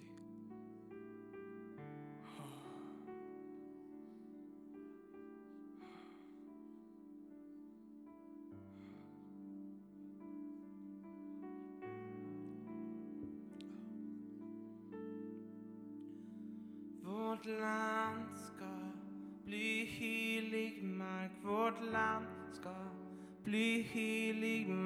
Vårt land ska bli helig mark. Jesus, du är kung här. Vårt land ska bli helig mark. Vårt land ska bli helig mark. Vårt land ska bli helig mark. Vårt land ska bli helig mark. Vårt land ska bli helig mark. Vårt land ska bli helig mark. Jesus, du är kung här. Vårt land ska bli helig mark. Vårt land ska bli helig mark. Vårt land ska bli helig mark. Halleluja, priset vare Herren. Amen, underbart. Första, första, första perioden är klar här och nu tar vi en liten paus. Det finns kaffe där eller te eller vatten. Vi dricker lite grann och så och sen så kör vi igång kvart över igen. Så 20 minuter ungefär paus då. Vi kan dricka lite eller så. Toaletterna är öppna också ner där så att du kan gå. Om du behöver gå på toaletten finns det toaletter en våning ner. Så drar vi, kör vi vidare kvart över. Underbart.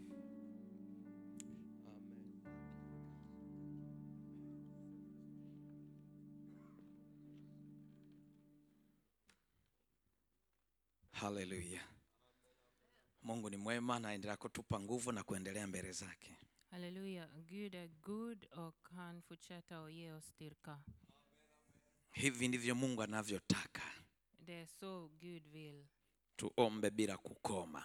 Att vi ska be utan att sluta. Katika Luka sura ya kumi na nane Eh, om vi läser från Lukas uh, 18.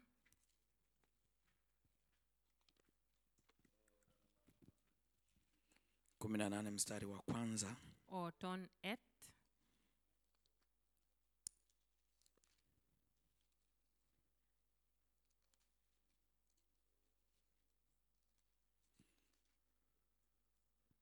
Uh, mstari wa kwanza mpaka wa nane 18 1 till 8. akawaambia mfano ya kwamba imewapasa kumwomba Mungu siku zote, wala wasikate tamaa. Akasema, palikuwa na kadhi katika mji fulani, hamchi Mungu wala hajari watu. Na katika mji huo palikuwa na mwanamke mjane aliyekuwa akimwendea endea akisema, nipatie haki na adui wangu. Naye kwa muda alikataa, halafu akasema moyoni mwake, ijapokuwa simchi Mungu wala sijali watu, lakini kwa kuwa mjane huyu ananiudhi, nitampatia haki yake, asija kanichosha kwa kunijia daima. Bwana akasema, sikilizeni asemavyo yule kadhi dharimu Na Mungu je, hata wapatia haki wateule wake wanaomlilia mchana na usiku, naye ni mvumilivu kwao? Nawaambia, atawapatia haki upesi. Walakini atakapokuja mwana wa Adamu, je, ataiona imani duniani? Jesus berättade för dem en liknelse för att visa att de alltid ska be utan att tröttna. I en stad fanns en domare som varken fruktade Gud eller hade respekt för människa. I samma stad fanns en änka som kom till honom gång på gång och sade Ge mig rätt mot min motpart. En tid ville han inte, men sen sa han till sig själv, även om jag inte fruktar Gud eller har respekt för människor ska jag ändå ge den här änkan rätt, eftersom hon är så besvärlig. Annars pinnar hon till slut livet ur mig med sitt springande. Och Herren sa, hör vad de orättfärdiga domaren säger.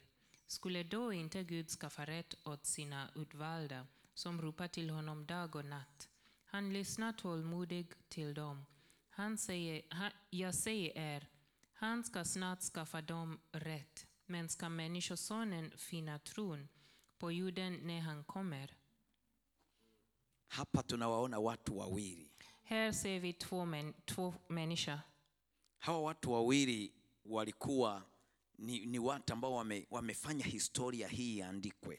Och det är de som har gjort att den här berättelsen eh, är, ju- är skrivet. Maana yake kulikuwa na hakimu, Halafu kulikuwa na mtu anayetaka haki yake, ameshitaki kwa hakimu. och det var en, en som ville ha sin rätt.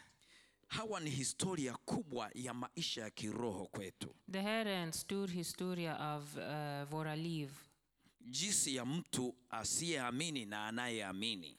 Och det, han, det handlar om en som har ingen tro och en som har tro. Lakini tunajifunza zaidi kwa anayeamini, huyu mama. Och vi lär oss mer av den som har tro. Den Yeye, här kvinnan. yeye alikuwa akimwendea endea huyu hakimu, huyu kadhi, gong po gong yikun hon till domaren. na hapa tunatazama na kuona kwamba maombi ni shule ya Roho Mtakatifu kwa kanisa na mtu. Och her sevi at att bön är s- eh, skolan till eh, kyrkan och till de som uh, ber. Alltså det är där vi lär oss om uh, andlig liv. Huyu mama alikuwa akienda kutafuta haki yake kwa kadhi, Den här kvinnan gång på gång gick till domaren för att få sin rätt. alimwendea mara kwa mara, Hon gick till domaren gång på gång. lakini yule haki, ha- yule, ha, yule hakimu ambayo ni kadhi hakutaka kumpa haki yake. Men domaren vill inte ge henne sin rätt. Yule mama akasema siachi kwenda. Och kvinnan sa, jag kommer aldrig att sluta gå till honom. Leo ameenda, Idag gick hon. Kesho ameenda, Igår, ja, imorgon gick hon. kesho kutwa ameenda, Nästa dag gick hon tillbaka. wiki nzima ameenda, En hel vecka gick hon tillbaka. wiki ya pili ameenda, Andra vecka gick hon till mwezi domaren. mzima ameenda. En hel månad gick hon till domaren. Yule hakimu akasema "Ah, huyu mama atanichosha. Och då sa domaren, uh-uh, den här kvinnan kommer att ta livet ur mig. atanichosha. Jag kommer att tröttna på grund av henne. Akasema ili asinichoshe, Och han tänkte så här, för så att hon kommer inte tillbaka till mig, bora nimpe haki yake. jag ska ge, ge henne eh, sin rätt. asirudie kuja hapa. Så att hon kommer inte tillbaka. Atanichosha huyu akiendelea kuja hapa. Hon kommer, alltså jag kommer att bli trött på grund av henne. Hii inatufundisha nini? Vad va, vad lär vi oss av det här? Inatufundisha kuwa na maombi yasiyo ya kukata tamaa. Vi, vi lär oss att be utan att sluta, utan Tuwe att na ge ma- upp. Tuwe na maombi ya kila wakati tunamwendea Mungu. As, att vi ska be hela tiden, varje gång vi kommer framför, uh, inför Gud. Ndiyo maana Mungu akasema imewapasa kumwomba Mungu siku zote. Och det är därför Gud har sagt, alltså de var tvungna att be till Gud varje dag. Wala msikate tamaa. Och, ni, och de skulle inte ge upp. Unajua, kuacha kuomba ni, ku, ni, ni kushindwa, Att sluta att be betyder att du har gett upp. ni kukata tamaa na kushindwa. Det betyder att du har gett upp och du ska misslyckas. Huyu kadhi alikuwa hamchi Mungu. Den här domaren hade ingen fruktan för Gud. Biblia imesema alikuwa hajari watu, Han brydde sig inte om folk heller. Lakini Mungu wetu yeye sivyo alivyo kama huyu kadhi. Men voran Gud är inte som den här domare. Mungu anajari watu, Gud eh, bryr sig om folk. ndiyo maana napenda kuona watu wakimwendea. Det är därför han älskar när vi kom till honom. Tunapomwendea mara kwa mara Mungu När vi vänder oss till Gud gång på gång kwa kumwomba, i bön, Mungu yuko tayari kutupa majibu kulingana na uvumilivu wetu. Gud är redo att ge oss svar eh, enligt våran, eh, hur vi ber. Wakati mwingine tumekosa majibu Ibland har vi saknat, har vi inte fått svar kwa sababu tumekata tamaa. för att vi har gett upp. Watu wamekata tamaa, Folk har gett upp. huwezi kupata majibu. Då kan du inte få svar. Watu wakichoka, När huwezi kupata majibu. ma- de kan inte få svar från Gud. Huyu mama Den här kvinnan, angesema nimechoka tangu nimwendee kadhi, om hon skulle ha gett upp tidigt, jana nimeenda, igår gick jag dit, ameshindwa kunipa haki yangu, han, han gav mig ingen, eh, han, jag fick inte min rätt. juzi nimeenda, Förrgår, ameshindwa sak, kunipa haki yangu. han gav mig ingenting. Angekata tamaa, Om hon skulle ha gett upp, asingepata majibu yake. hon skulle inte ha fått svar. Unaona ni jinsi gani ambavyo sisi tunatakiwa kumwendea Mungu hapa na pale kila wakati katika maombi. Ser du hur viktigt det är för oss att gå tillbaka till Gud gång på gång? Haki zetu zipo, Våra eh, rätt finns. tunapaswa kwenda kudai haki zetu kwa Mungu wa mbinguni. Det är viktigt för oss att gå inför Gud och be för våran, våra rätt. Aliyenyang'anya haki zetu ni Shetani. Han som har tagit bort våra rätt är Satan. Tukikaa kimya tukakata tamaa, Om vi är tyst och ger upp, hatutapata. då får vi ingenting. Tunazipata haki zetu tunapokwenda kuomba kwa Mungu wa Men mbinguni. när vi kommer inför Gud, då får vi svar. Yeye ndiye aliyesema Det är Gud som har, har, har sagt katika Isaya, i, i Isaiah, njoni tusemezane, kom så att vi kan diskutera. mpate kueleza, Ja, Så att ni kan eh, berätta, mpewe haki yenu. så att ni får eran rätt. Haki zetu zipo, Våra rätt finns. haki zetu zipo. Våra rättigheter finns. Sisi tunapotakiwa kuomba ndipo tunazipata haki zetu. När vi ber, då får vi svar. Ili tuzipate haki zetu ni kuomba tu. Det enda sätt är att vi måste be för att få svar. Tusikubaliane shetani achukue haki zetu. Vi ska inte tillåta Satan att ta våra svar. Hatuwezi kukubali shetani ashikilie haki zetu. Det kan vi inte göra. Kadhi huyu dhalimu alijua kwamba ame, an, a, a, a, anapaswa kutoa haki, sio yake, ilikuwa ni ya mtu mwenye, mwenye anaye haki yake ilikuwa ni ya mwenye haki ambaye anapaswa rudishiwe.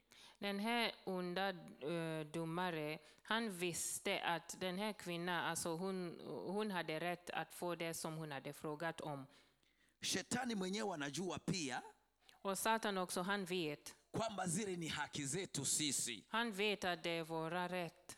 tuwe na amani maishani mwetu, Uh, att vi ska ha frid i våra liv, tuwe na amani katika nchi yetu, att vi ska ha frid i våra länder, tuwe na amani katika kanisa letu, att vi ska ha frid i våra kyrkor, tutembee na vijana wetu, att vi ska ha frid med våra ungdomar, tuwe na nguvu za kutuma wamishonari nje. att vi ska ha uh, styrka att uh, skicka ut missionärer. Shetani anajua kwamba ni haki zetu sisi, Satan vet all det här, maana tumeumbwa kwa mfano wa Mungu. för att vi är uh, skapat i Guds uh, för avbild. Shetani anajaribu kutunyang'anya hizo haki sasa, Men Satan vill ta allt från oss. na sisi tusikubali, Och vi, vi får inte eh, tillåta honom. tusikubali. Vi får inte tillåta honom. Si tuombe Mungu aliye hai. Vi ska be till, till Gud. Tukiomba Mungu zinarudi haki zetu. När vi ber till Gud, då får vi det som är våra rätt. Mtaendelea kutuma wamishonari huko ma- kwenye Och då mataifa ska ni mengine, fortsätta att skicka ut missionärer till andra länder. watapeleka injili. Och de ska eh, skicka, sprida evangeliet där. Unajua, shetani anataka wanyang'anye baraka ambazo Mungu amezi, ameziandaa kwa ajili yenu. Uh, Satan vill ta från oss uh, välsignelser som Gud har gett oss. Lazima mkumbuke kwamba Det är viktigt att ni kommer ihåg maendeleo mlionayo, utveckling som ni har, baraka mlizonazo välsignelse som ni har, ni kwa sababu mliamua kumtumikia Mungu kwa moyo siku za nyuma. är på grund av att ni hade bestämt att följa Jesus eh, för länge sedan. Mlifanya kwa moyo, Och ni gjorde det med hela. Mlijitoa Ni offrade sig själv för att uh, uh, tjäna Gud. kwa nguvu kabisa za Mungu ndani yenu. Med all styrka som ni hade. Msifikiri shetani anafurahia, Och Satan är inte glad för det. hafurahi hata kidogo. Han är inte glad för det. Anataka awa- apokonye hizi haki zenu zote, apeleke yeye. Han vill ta från er all välsignelse och all, allt ni har fått på grund av det. Lazima mgundue kwamba shetani hana kitu, yeye hana kilicho chake hapa duniani. Satan har ingenting här på jorden. Alimjaribu Yesu Han fräs, försökte fresta Jesus akampeleka kule mlimani och tog honom till berget. kwenye kilele kirefu kule, Där, där uppe på berget. akamwambia piga magoti nisujudie, hivi vyote ni vyangu, nitakupa. Och han sa till Jesus att om du går på knä, då ska jag ge dig allt det här som du ser. Kumbe shetani ni muongo, Men Satan är en lögnare. hana chochote. Han har ingenting. Sisi tumeumbwa kwa mfano wa Mungu. Vi är skapat i Guds avbild. Mungu akasema tumiliki vyote tunavyoviona ni mali yetu, Och Gud sa att allt som vi ser är våran. tumiliki sisi. Det är vi som äger det. Tusikubali shetani atunyang'anye. Och vi ska inte tillåta uh, Satan att ta från oss det som är o- våran. Tudai haki zetu kwa Mungu aliye hai. Och då ska vi komma inför Gud och be för våra rätt, det Alish- som är våran. Alishamshinda shetani, För att det är han som har uh, destroyed, defeated, defeated, besegrat uh, Satan. akamnyang'anya funguo. Han tog från honom nyckel. Alipofufuka Yesu, När Jesus uh, resurrected, upp, uppstod, ja, akasema mamlaka hii nimewapeni ninyi. då sa han att jag har gett dig allt det här. Tunayo mamlaka, Uh, vi, har, vi har makt. tunayo mamlaka. Vi har makt. Kwa hiyo sisi tunadai haki zetu, tunayo mamlaka. Och för att vi har all makt, då ska vi ta tillbaka allt som är våran. Ndiyo maana tunaomba Och det är därför vi ber. Na Mungu yuko pamoja na sisi, Och Gud är med oss. lazima ajibu na atende kama alivyo Han Mungu ska eh, svara oss. kwa watu wake. Han ska svara hans folk. Lakini lengo, Biblia imesema kwamba tume, imetupasa kumwomba Mungu bila kukata tamaa, Och Bibeln säger alltså vi ska be utan att sluta, utan att ge upp. bila kukata tamaa. Utan att ge upp. Usichoke baba yangu, Uh, tröttna inte. Usichoke mama yangu, Tröttna inte. wala usikate tamaa. Ge inte upp. Tuombe tu, Låt oss pri- uh, be. Mungu atatujibu. Och Gud kommer att svara oss. Amen. Amen. Amen. Amen. Amen. Simama, tusimame. Vi, vi ska be. Hebu tuliombee kanisa. Let us be uh, for shirkan. Tunataka Mungu alitie nguvu kanisa, Att Gud ska ge eh, våra kyrka styrka. watu wawe na nguvu za kumtafuta Mungu bila kukata tamaa. Att folk ska ha styrka att uh, söka Gud utan att ge upp. Mungu anaweza. Gud kan. Twende mbele za Mungu. Uh, nu, nu kommer vi inför Gud. Baba, katika jina la Yesu, huh?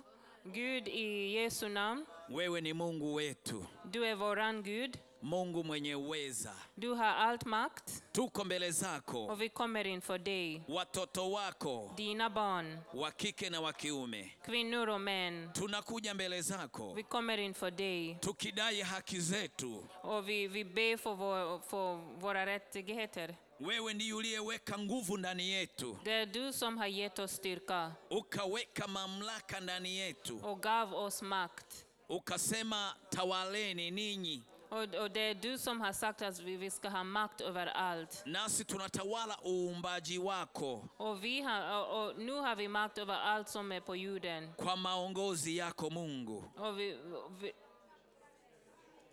Tunakuja mbele zako vi kommer inför, inför dig. Mungu, tia nguvu ndani ya kanisa lako, Gud, ge, ge din, din shir, din kyrka styrka. Achilia uweza wako juu ya kanisa lako. Kom med din styrka över din kyrka. Kanisa liwe na nguvu Så att kyrkan ska, ska ha styrka. ili liweze kutembea na wewe so at vi kan stå som en kyrka. likiomba bila kukata tamaa, so at vi kan be utan att ge upp. likiomba bila kukoma.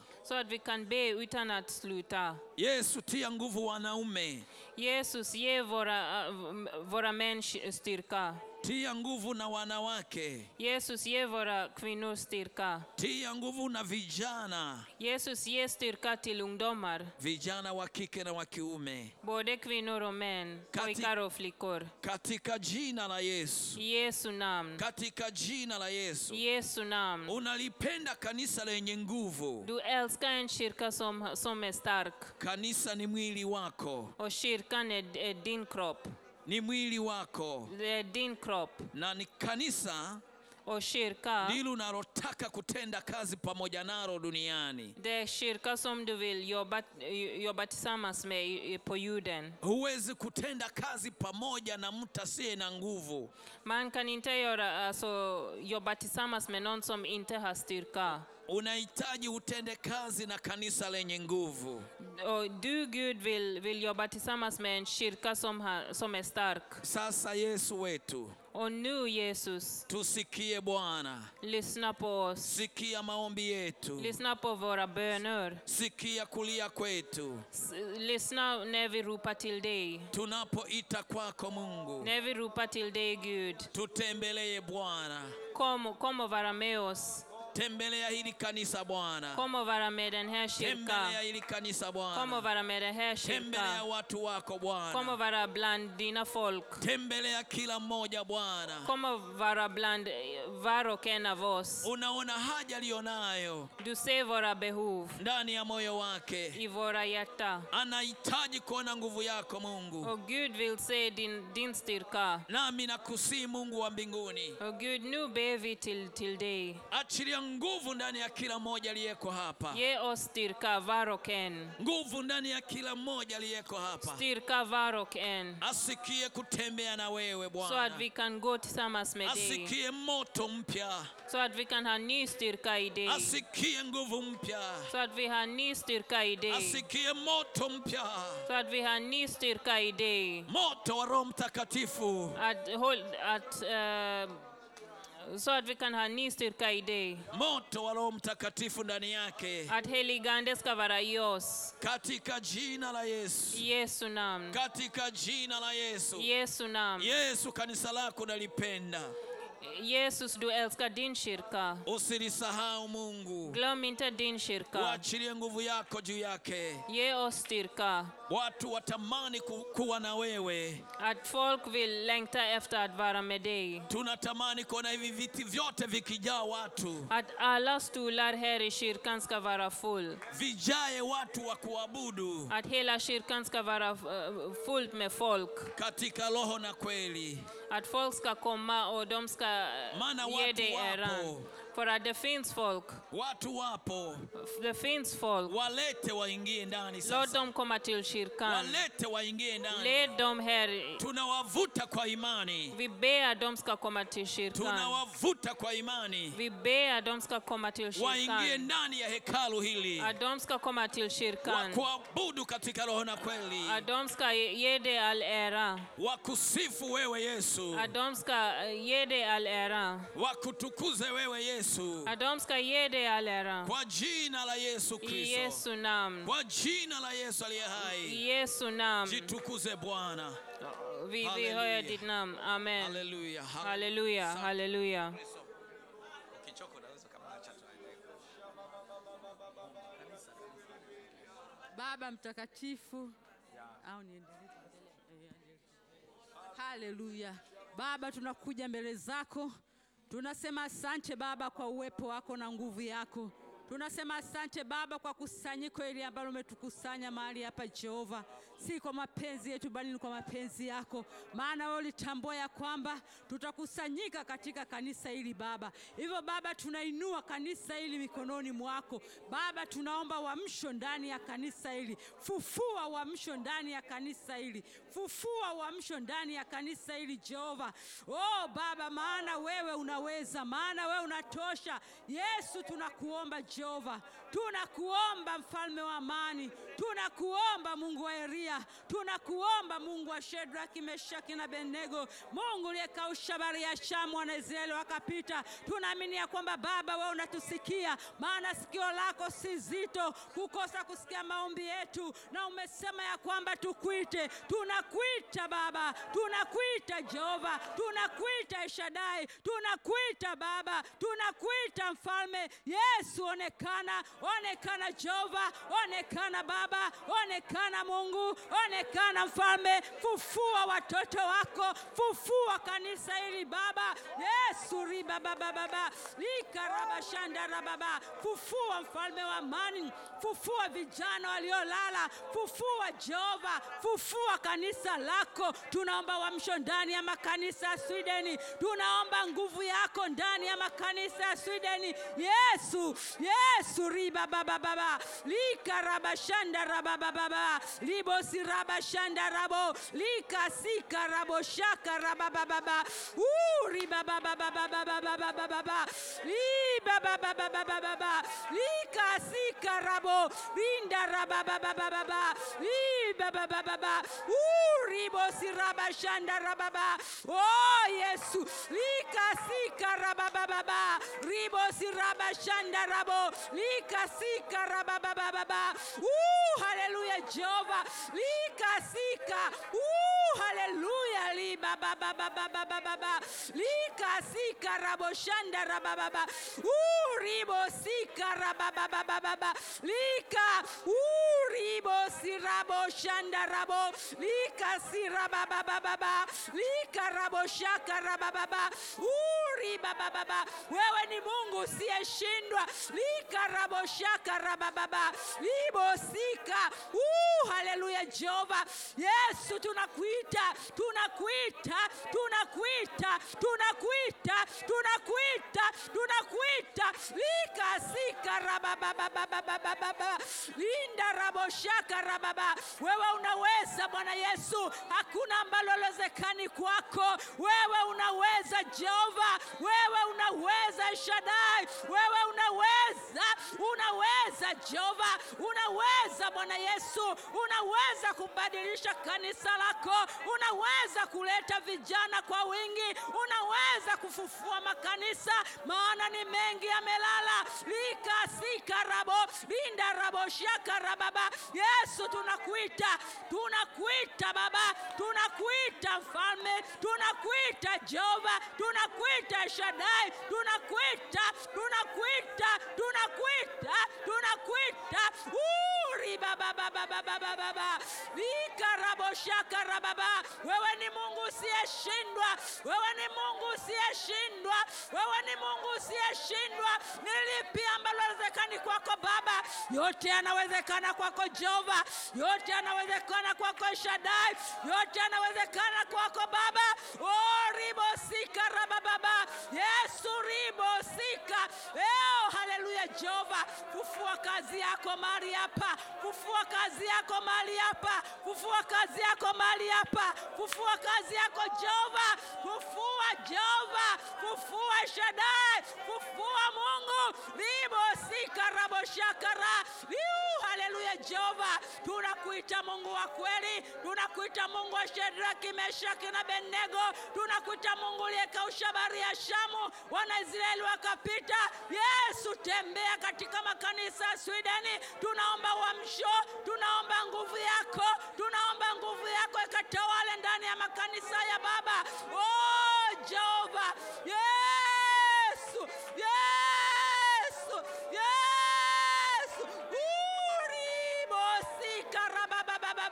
uribosikarabababa linda raboshakarabababa ribosirabababa wewe ni mungu wewe ni mungu wewe ni mungu usiyeshindwa. Wewe ni mungu wewe ni mungu. Uribosirabababa likaraboshakarabababa oh, jehova leta uamsho baba. Tunaomba nguvu yako jehova. Tunaomba uamsho tunaomba uamsho jehova uribosirabashandarabababa urikasika raboshaka rabababababa linda raboshaka rababababa haleluya jehova. Tunakushukuru mungu wetu. Haleluya mfalme. Uinuliwe baba. Uinuliwe mungu wa kweli. Uinuliwe mungu. Oh, baba shusha nguvu yako jehova. Shusha shusha jehova maana unaweza Jehova, unaweza Shadai. Ni nani awezaye kama wewe Jehova?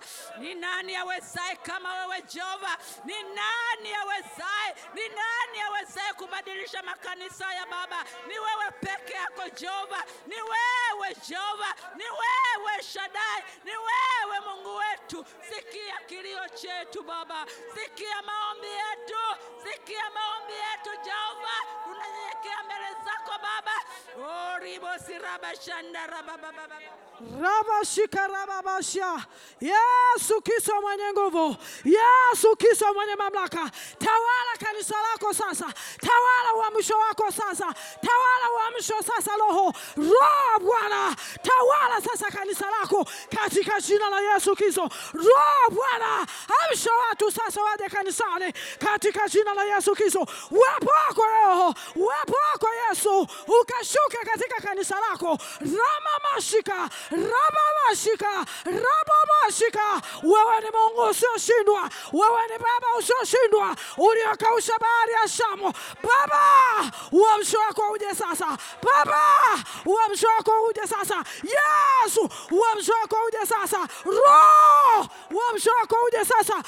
oriamoshaka moto wa Roho ukagusa watu sasa, ukagusa vijana, ukagusa mji huu, ukagusa kanisa la Mungu, viti hivi vyote vikaenea watu, wakafurike, wakafurike watu, wakafurike watu. Roho Bwana, gusa watu. Roho Bwana, gusa watu. Roho Bwana, gusa watu. Moto wa Roho ukagusa watu, moto wa Roho ukagusa watu. Wo Mungu, wewe ni mkuu sana Baba, ni mkuu sana Baba, Mungu wa Yakobo, Mungu wa Ibrahimu, Mungu wa Isaka, Mungu wa baba yetu, uliyeumba mbingu na nchi, uliyefanya vitu vyote.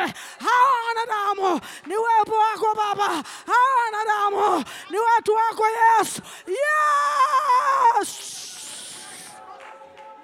Rama mama mama.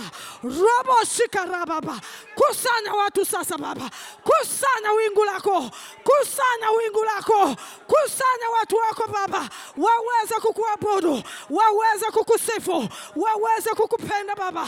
Rama mama riko shakara Baba, shuka Baba, shuka Baba, macho yako yawepo mahali hapa, miguu yako uketi mahali hapa, mikono yako ni mahali hapa Baba. Rama mashika robo Baba, wa Mungu wa Israeli, usioshindwa na jambo lolote, usioshindwa na kitu chochote. Mungu wewe ni mkuu sana. Yesu Kristo, jina lako ni kubwa sana Baba, jina lako linaweza sana Yesu. Yesu Kristo, wewe ni Bwana wa mabwana, ukavute watu kwa upendo wako ule, ukavute watu kwa kupigwa kwako. Lazima watu wajae mahali hapa kwa kuteswa kwako Yesu, lazima wafurike watu. Roho, roho, ninakuita Roho wa Bwana, ukafurike katika kanisa hili, ukafurike maji yakatiririke, ukafurike maji yakatiririke, ukame ukaondoke, maji yakatiririke, furaha ya watu ikapupujika kwako Baba. ropoposika ramamayabosha rakashakarababa. Imoriaboshaya. Rama iko saa iko saa iko saa Roho Mtakatifu fanya, Roho Bwana fanya, nyesha mvua, nyesha mvua, wafurike watu mahali hapa, wafurike watu, wafurike watu. Roho Bwana, ninakusihi, shusha wingu lako mahali hapa, shusha uwepo wako mahali hapa, watu wakafurika kwenye viti, watu wakakuabudu wewe, watu wakakusifu Mungu, watu wakafurahi. Unapocheka Mungu, wanadamu wanafurahi. Unapocheka Baba, wanadamu wanacheka nao. Rama mama, usinyamaze kimya Jehova, ninakusihi Mungu uliyeumba mbingu na nchi, Baba uliyeweka wanadamu hawa kwa uwezo wako Mungu. Oh, hakuna kitu kinachokushinda Mungu. Wewe ni mkuu, wewe ni mkuu, wewe ni mkuu. Rama, hata Musa alipofika mahali akalia, akasema Mungu uko wapi? Akasema Baba uko wapi? Lakini Mungu alimwambia Musa, usilie, nitakutokezea njia Musa, nitakutokezea njia Musa. Katika bahari ya Shamu, katika bahari ya Shamu. Oh, Mungu wewe ni mkuu, wewe Mungu unaweza Baba, unaweza Baba, uliyemtoa Danieli katika tundu la simba, wewe unatisha Baba, ulimtoa Danieli aliyekuamini wewe Mungu. Danieli akatoka hata kupata jeraha, Danieli akatoka hakuumwa tena na simba, Danieli akatoka hakumezwa na simba, lakini watesi waliomfuata Danieli wote waliliwa na simba, wale wote maadui zake walikamatwa na simba. Yuko Mungu anawasambaratisha maadui, yuko Mungu anawasambaratisha maadui. Lazima watu wa Mungu wamwabudu Mungu, lazima watu wa mahali hapa wamsifu Mungu, lazima watu wa mahali hapa wacheke, lazima kichako kirudi hapa. Riko mama mama. Woriabosha lazima kicheko kirudi kanisani, lazima burudiko lishuke, lazima uwepo wa Mungu ushuke, lazima baraka zake zirudi, lazima watu watembee kwa furaha. Oh, oh, Mungu wa Danieli uko hapa, Mungu wa Meshaki uko hapa, Mungu wa Danieli uko hapa, Mungu wa Meshaki uko hapa, Mungu uliyempigania Daudi uko hapa, Mungu uliyempigania na Goliati uko hapa. Mungu Daudi alimpiga Goliati kama mtoto huko hapa. Oh, haleluya. Haleluya. Mungu uliyemshindia Daudi, alimpiga Goliati kama mtoto mdogo, alimpiga Goliati kama mtoto mdogo. Wewe Mungu unatisha, jina lako ni kubwa sana Baba, jina lako lina uwezo mkubwa sana. Daudi ni kijana mdogo sana, lakini alimkamata Goliati akampiga kama mtoto. Oh, Baba, hatuachi kukuabudu Mungu, hatuachi kukutukuza Baba, hatuachi kukutukuza wewe, kwa sababu matendo yako tu yanatisha, uwepo wako tu unatisha Baba, uwezo wako tu unatisha Baba. Vipofu wanaona, viziwi wanasikia, walio vilema wanatembea. Rama mama mama, jina lako ni kubwa sana Mungu, jina lako linatisha Yesu Kristo. Oh, oh, uliyotembea na kina Danieli, uliyetembea na kina Meshaki, uliyetembea na kina Abednego, uliyetembea na Shedrake, uliyetembea na watu wakubwa, uliyetembea na kina Musa, uliyetembea na kina Yohana, uliyetembea na kina Petro, uliyetembea na kina Paulo, uliyetembea na kina Paulo, walikuwa watu waliyeshindikana katika mji, lakini Mungu ushindwe na kitu. Tunaomba watu wajae mahali hapa, tunaomba watu wajae mahali hapa, hata vile alivyo Paulo alikuwa mtu wa kushindikana, lakini kwako Yesu, Paulo. Alikamatwa kama mtoto. Paulo! Alitembea kwa unyenyekevu wa Mungu. Rama mama mama. Riko shaka raba baba. Paulo! Alikuwa ni mtu mkubwa sana, akatembea katika sheria za Mungu, akanyenyekea kwa Mungu. Paulo! Alifanya kazi kubwa na Mungu, alifanya kazi ya Yesu Kristo, alifanya mambo makubwa. Paulo. Alikuwa mtu wa kutisha, alikuwa muuaji, lakini kwako Yesu hakuna mwanadamu anayeweza kushindikana kwako. Hata sasa ninasema makanisa hili lazima lijae watu, lazima wafurike watu, lazima wafurike watu. Watu watakuwa furaha mahali hapa, watu watakuwa na kicheko mahali hapa, watu watamfurahia Jehova mahali hapa, watamfurahia Baba mbinguni, Jehova lile, Jehova Shama, Jehova la Shalom, Mungu mwenye nguvu. Rama mama mama. Rapapapapapapa riko shiko robopa uwepo wako Yesu, nauona mahali hapa Yesu, naona uwepo wako ukishuka, naona bubujiko la watu likishuka, naona watu wakifurahi mahali hapa. Oh, rapapapapapa rika shaka rabapapa. Jina lako Yesu linatisha sana, jina lako lilifufua. Hata waliokufa kaburini waliinuka siku hiyo. Ulipofukuka Yesu, makaburi yalifunguka. Kwa jina lako Yesu. Viwete walitembea, viwete walitembea, vipofu waliona tena, vipofu waliona tena. Roho wa Bwana, achia mafuta yako mahali hapa, achia mafuta mahali hapa, achia wingu lako mahali hapa, roho wa Bwana, kwa maana Roho wewe ni Mungu mwenyewe, Roho wewe ni Mungu mwenyewe, Mungu uketiae mahali palikoinuka, mahali palikokuwa juu sana, mahali paliko nainuka sana. Wewe Mungu unakaa mahali patakatifu, mahali palipoinuka sana, paliko juu sana. Baba, huruma yako, rehema zako zishuke katika kanisa hili, ukawalete watu hapa, likafurike kanisa hili, likajaa na uwepo wa Mungu, likajae na moto, watu wagonjwa wakapone mahali hapa. Baba, viziwi wakasikia mahali hapa, Roho Bwana ukaamsha uamsho hapa, wagonjwa wakapone, walio na udhaifu wa mwili wakapokea uponyaji. Kwa jina la Yesu. Wakaamke hapa, mainjilisi wakaamke, wachungaji wakashikamane. Oh, haleluya! Oh, haleluya! Walimu wakafanya kazi yao ya ualimu kwa jina la Yesu Kristo. Mungu usioshindwa na kitu, ninakuona Mungu unafanya sasa. Baba ukafanye, Baba ukafanye, usinyamaze kimya.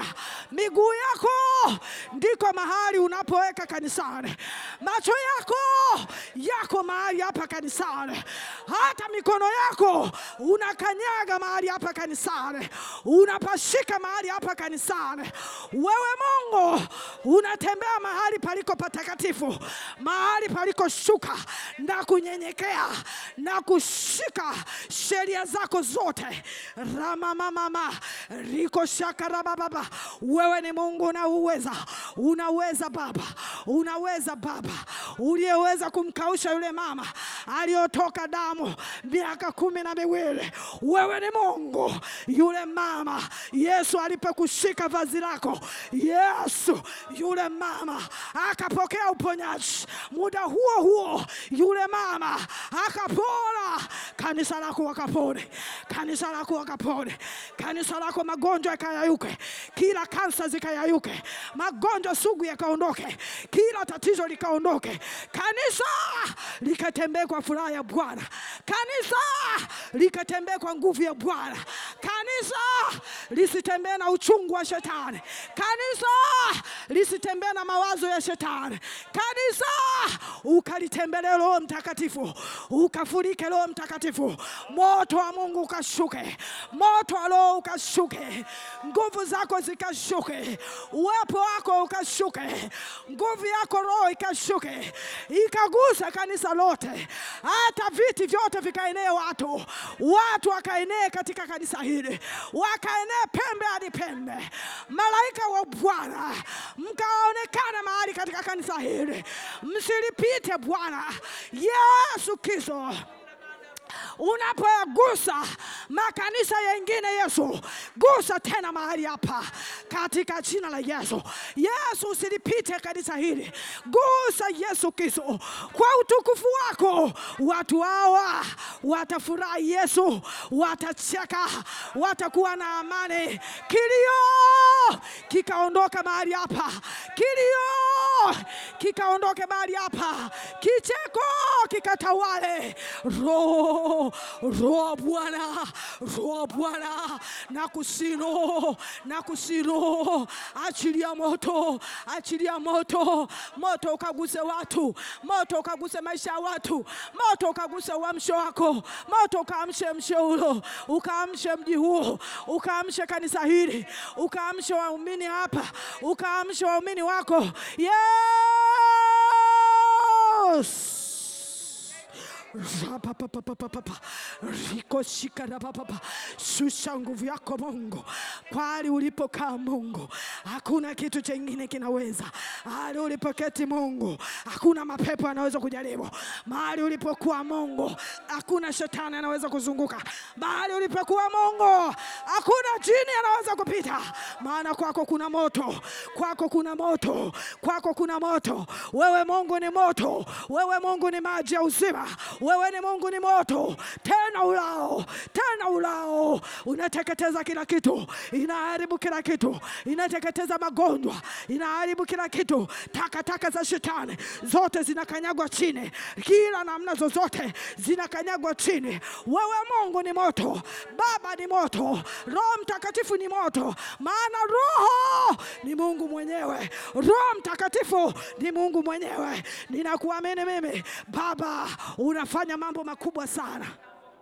Yesu Kristo, sante Baba. Sante Baba, wewe ni Mungu mkuu mwenye enzi. Mamlaka na utukufu Baba zina wewe, heshima na utukufu Baba zina wewe, utukufu na heshima zote zina wewe. Utukufu wote Baba ukurudie Mungu. Uliyeketi mahali palikoinuka Baba, uliyeketi mahali paliko juu sana.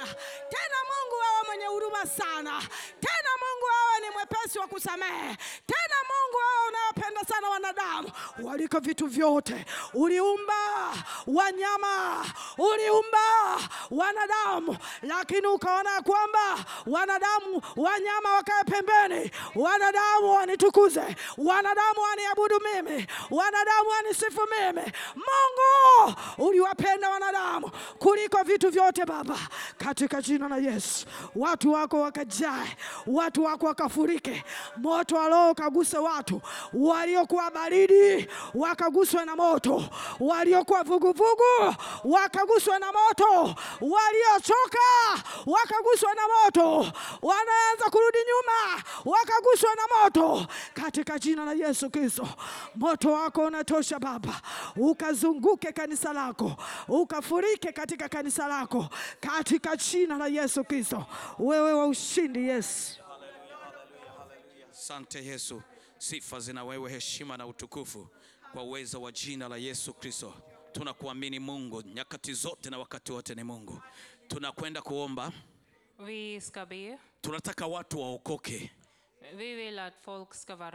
Huu mji ni mkubwa Det här är en jättestor stad na una watu wengi, och det finns många som bor här i Övik. wengine hawajamjua Yesu Och det är Kristo. många som är eh, ofrälsta. Tunataka Mungu awaguse huko huko waliko, Och vi vill att Gud ska möta dem precis där de befinner sig. wakikutana na nguvu ya Mungu När de träffar eh, Guds styrka, watakuja hapa kanisani då kommer de in i kyrkan. ili wamwabudu Mungu wa kweli. För att uh, uh, vara här i kyrkan och prisa Gud. Na kuomba kwetu Och våra böner, böner ndiko kutakakofanya nguvu ya Mungu wakute huko huko waliko. är det som ska göra att Guds styrka kommer att, att, att träffa dem där de befinner sig. Kwa hiyo tuombee vijana Vi ber för ungdomar, na, wana, na wanawake kvinnor, na wababa men ambao hawajaokoka som är ofrälsta. ili waokoke, Så att de kan vara frälst. waje tumwabudu Mungu pamoja. Ja, vi ska prisa Gud tillsammans. Inawezekana. the, the, Tuombe pia kwa hilo. Baba yetu na Mungu wetu, tunaendelea kukupa sifa na heshima na utukufu. Tunaomba kwa ajili ya watu wa mji huu ambao Bwana ni vijana wa kike na wa kiume na wakina baba na wakina mama ambao hawajaokoka. Tunatamani kuona wakiokoka Bwana, tunatamani kuona wakikujia wewe Mungu, ili uwe Bwana na Mwokozi wa maisha yao, katika jina la Yesu Kristo. E Mungu wa kweli, Mungu mwenye nguvu, Mungu mwenye mamlaka, hulituma neno nalo hutuponya, linatuponya roho zetu, lakini linatuponya na miili yetu tena. Nasi tunatuma uponyaji wa kiroho juu ya wanaume na wanawake katika mji huu kwa mamlaka jina la Yesu Kristo wa Nazareti. E Mungu mwema na mwaminifu, Mungu wa haki, tunaomba kawaguse, Mungu wa mbingu na nchi, wale ambao bado wako katika mambo mabaya wametekwa na adui, wengine wako katika madawa ya kulevya, wengine Bwana wako katika mambo machafu mabaya. Katika jina la Yesu tunaomba waguse kule waliko, tembea nao sasa Mungu, huko huko waliko, tembea kwao, wafikie huko huko waliko kwa uwepo wako na nguvu yako, katika jina la Yesu Kristo wa Nazareti, katika jina la Yesu Kristo. Bwana tunakusihi Mungu, okoa, tunaomba uokoe katika mji huu Bwana, katika mji huu Bwana okoa, katika mji huu Bwana okoa, katika mji huu Bwana gusa, katika mji huu Bwana kutana na watu wako kwa mamlaka jina la Yesu Kristo wa Nazareti.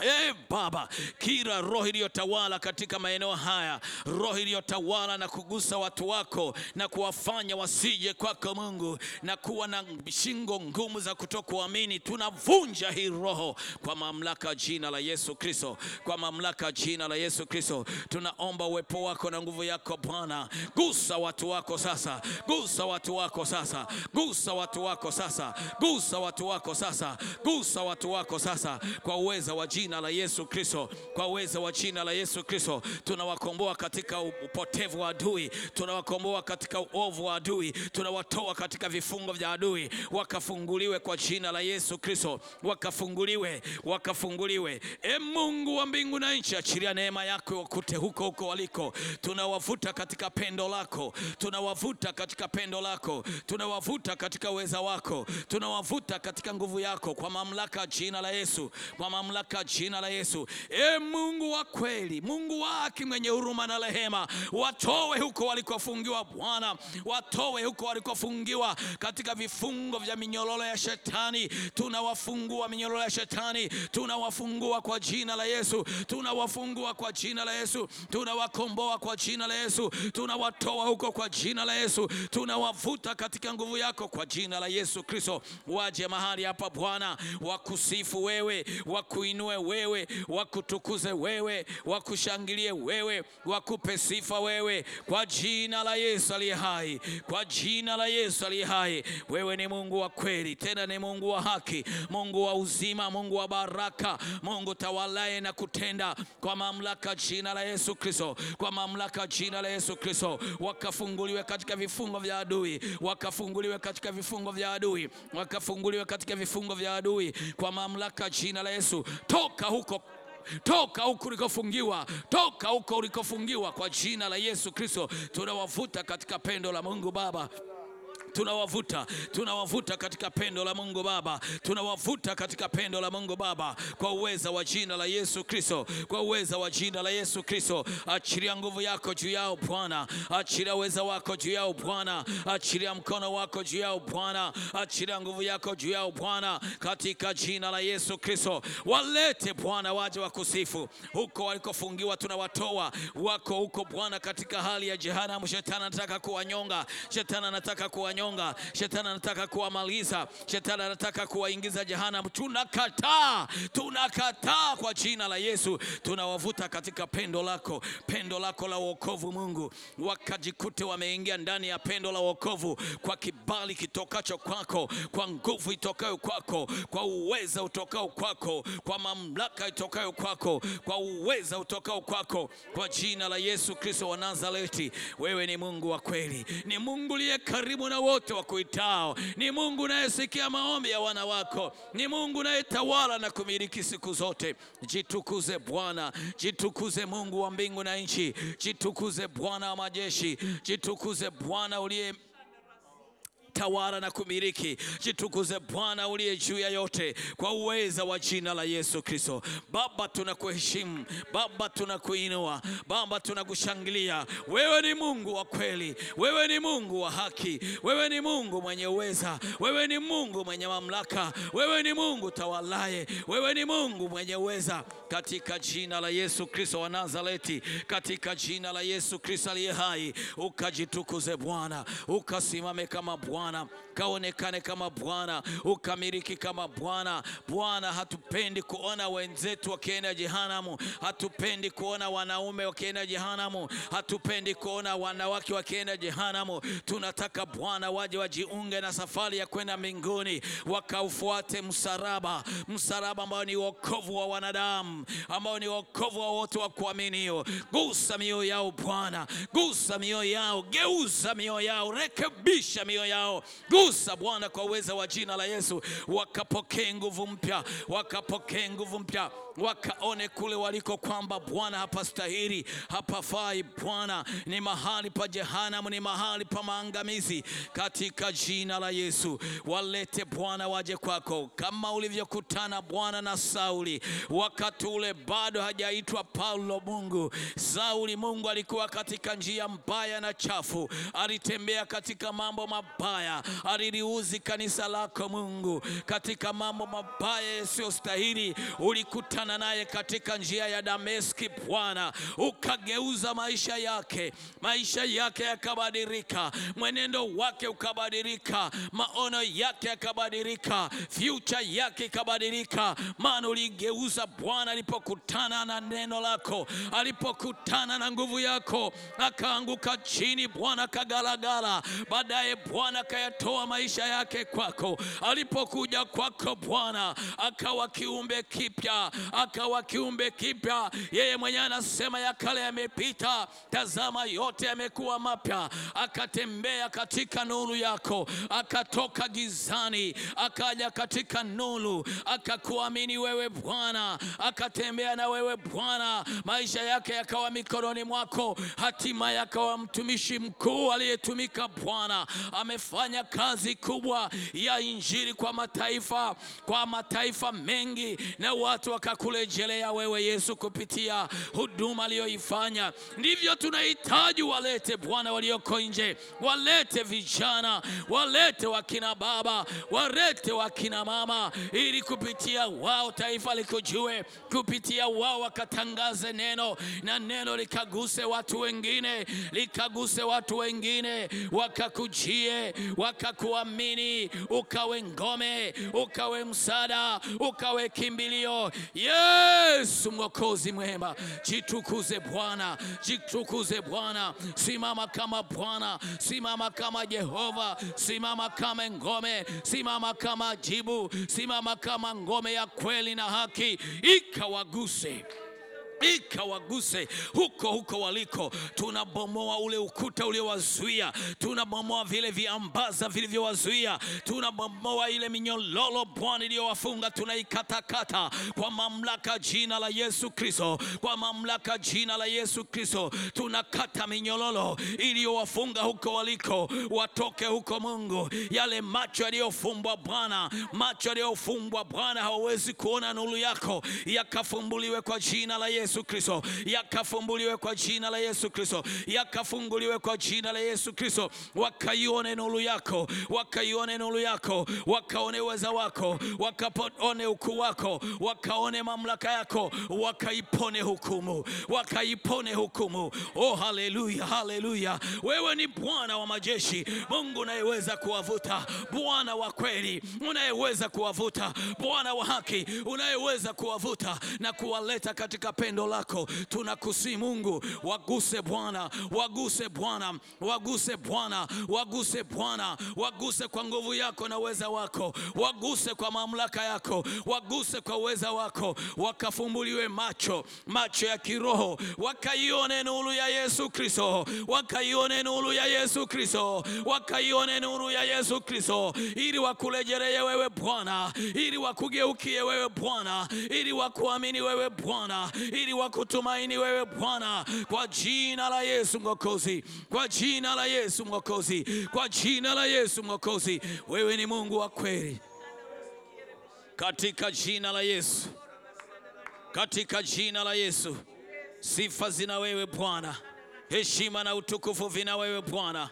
Mwamba wa wokovu wetu ni wewe Bwana, mwamba wa haki yetu ni wewe Bwana, mwamba uliye juu ni wewe Bwana katika jina la Yesu aliye hai, katika jina la Yesu aliye hai, katika jina la Yesu aliye hai, katika jina la Yesu aliye hai. Wewe ni Mungu wa kweli, wewe ni Mungu wa haki, mwamba wa wokovu wetu, mwamba wa amani yetu. Sifa na heshima vina wewe Bwana, kwamba unakwenda kuokoa, kwamba unakwenda kuokoa, kwamba unakwenda kugusa, kwamba unakwenda kugusa watu wako, unakwenda kubadilisha watu wako kwa uweza wa jina la Yesu Kristo, kwa uweza wa jina la Yesu Kristo, kwa uwezo wa jina la Yesu Kristo, tunaangusha roho iliyokamata. Tumeangusha hiyo roho Bwana, ikawaachie huko waliko mitaani, huko waliko vijijini, huko waliko mijini, huko walipo kwenye virabu vya pombe, huko waliko kwenye majumba ya sinema, huko walipo kwenye majumba ya ulevi na uaguzi, huko waliko kwenye majumba ya uchawi, huko waliko kwenye majumba machafu,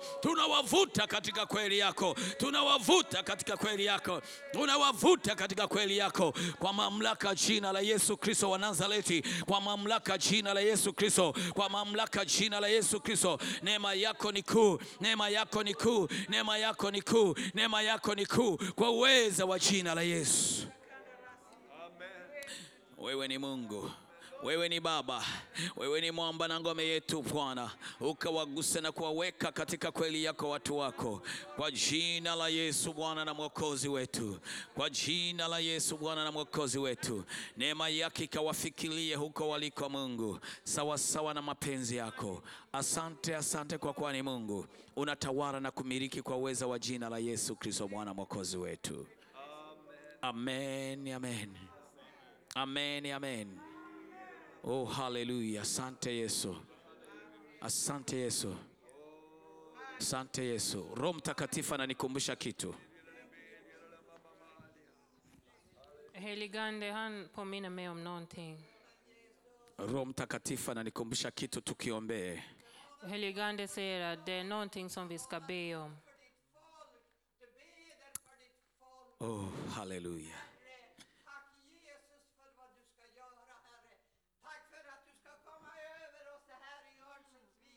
Här hösten, Oh, Yesu mwokozi mwema.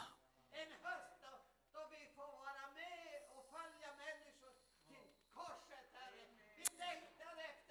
Ndiyo Bwana.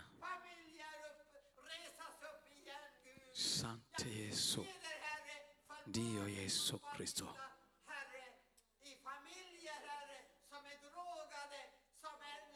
Som Ndiyo Bwana. Endelea kutenda. Shughulika Mungu. Timiza Bwana.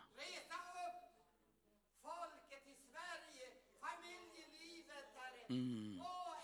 Haleluya, haleluya, haleluya. Haleluya, haleluya, haleluya. Haleluya. Asante. Asante Mwokozi. Ndiyo. Oh, jitukuze Bwana, jitukuze Bwana, jitukuze Bwana, jitukuze Mungu wa mbingu na nchi. Yando riko koshika rama mashika rabu yando riko shika raba yando. Haleluya, haleluya. sante Yesu. Roho Mtakatifu ananikumbusha kitu, tukiombee. Heligande säger att vi ska be för någonting. Ah, watu wa Mungu wapo ambao wana nguvu ya Mungu ndani yao hapa Sweden, De som har styrk, gud Guds styrka här i Sverige.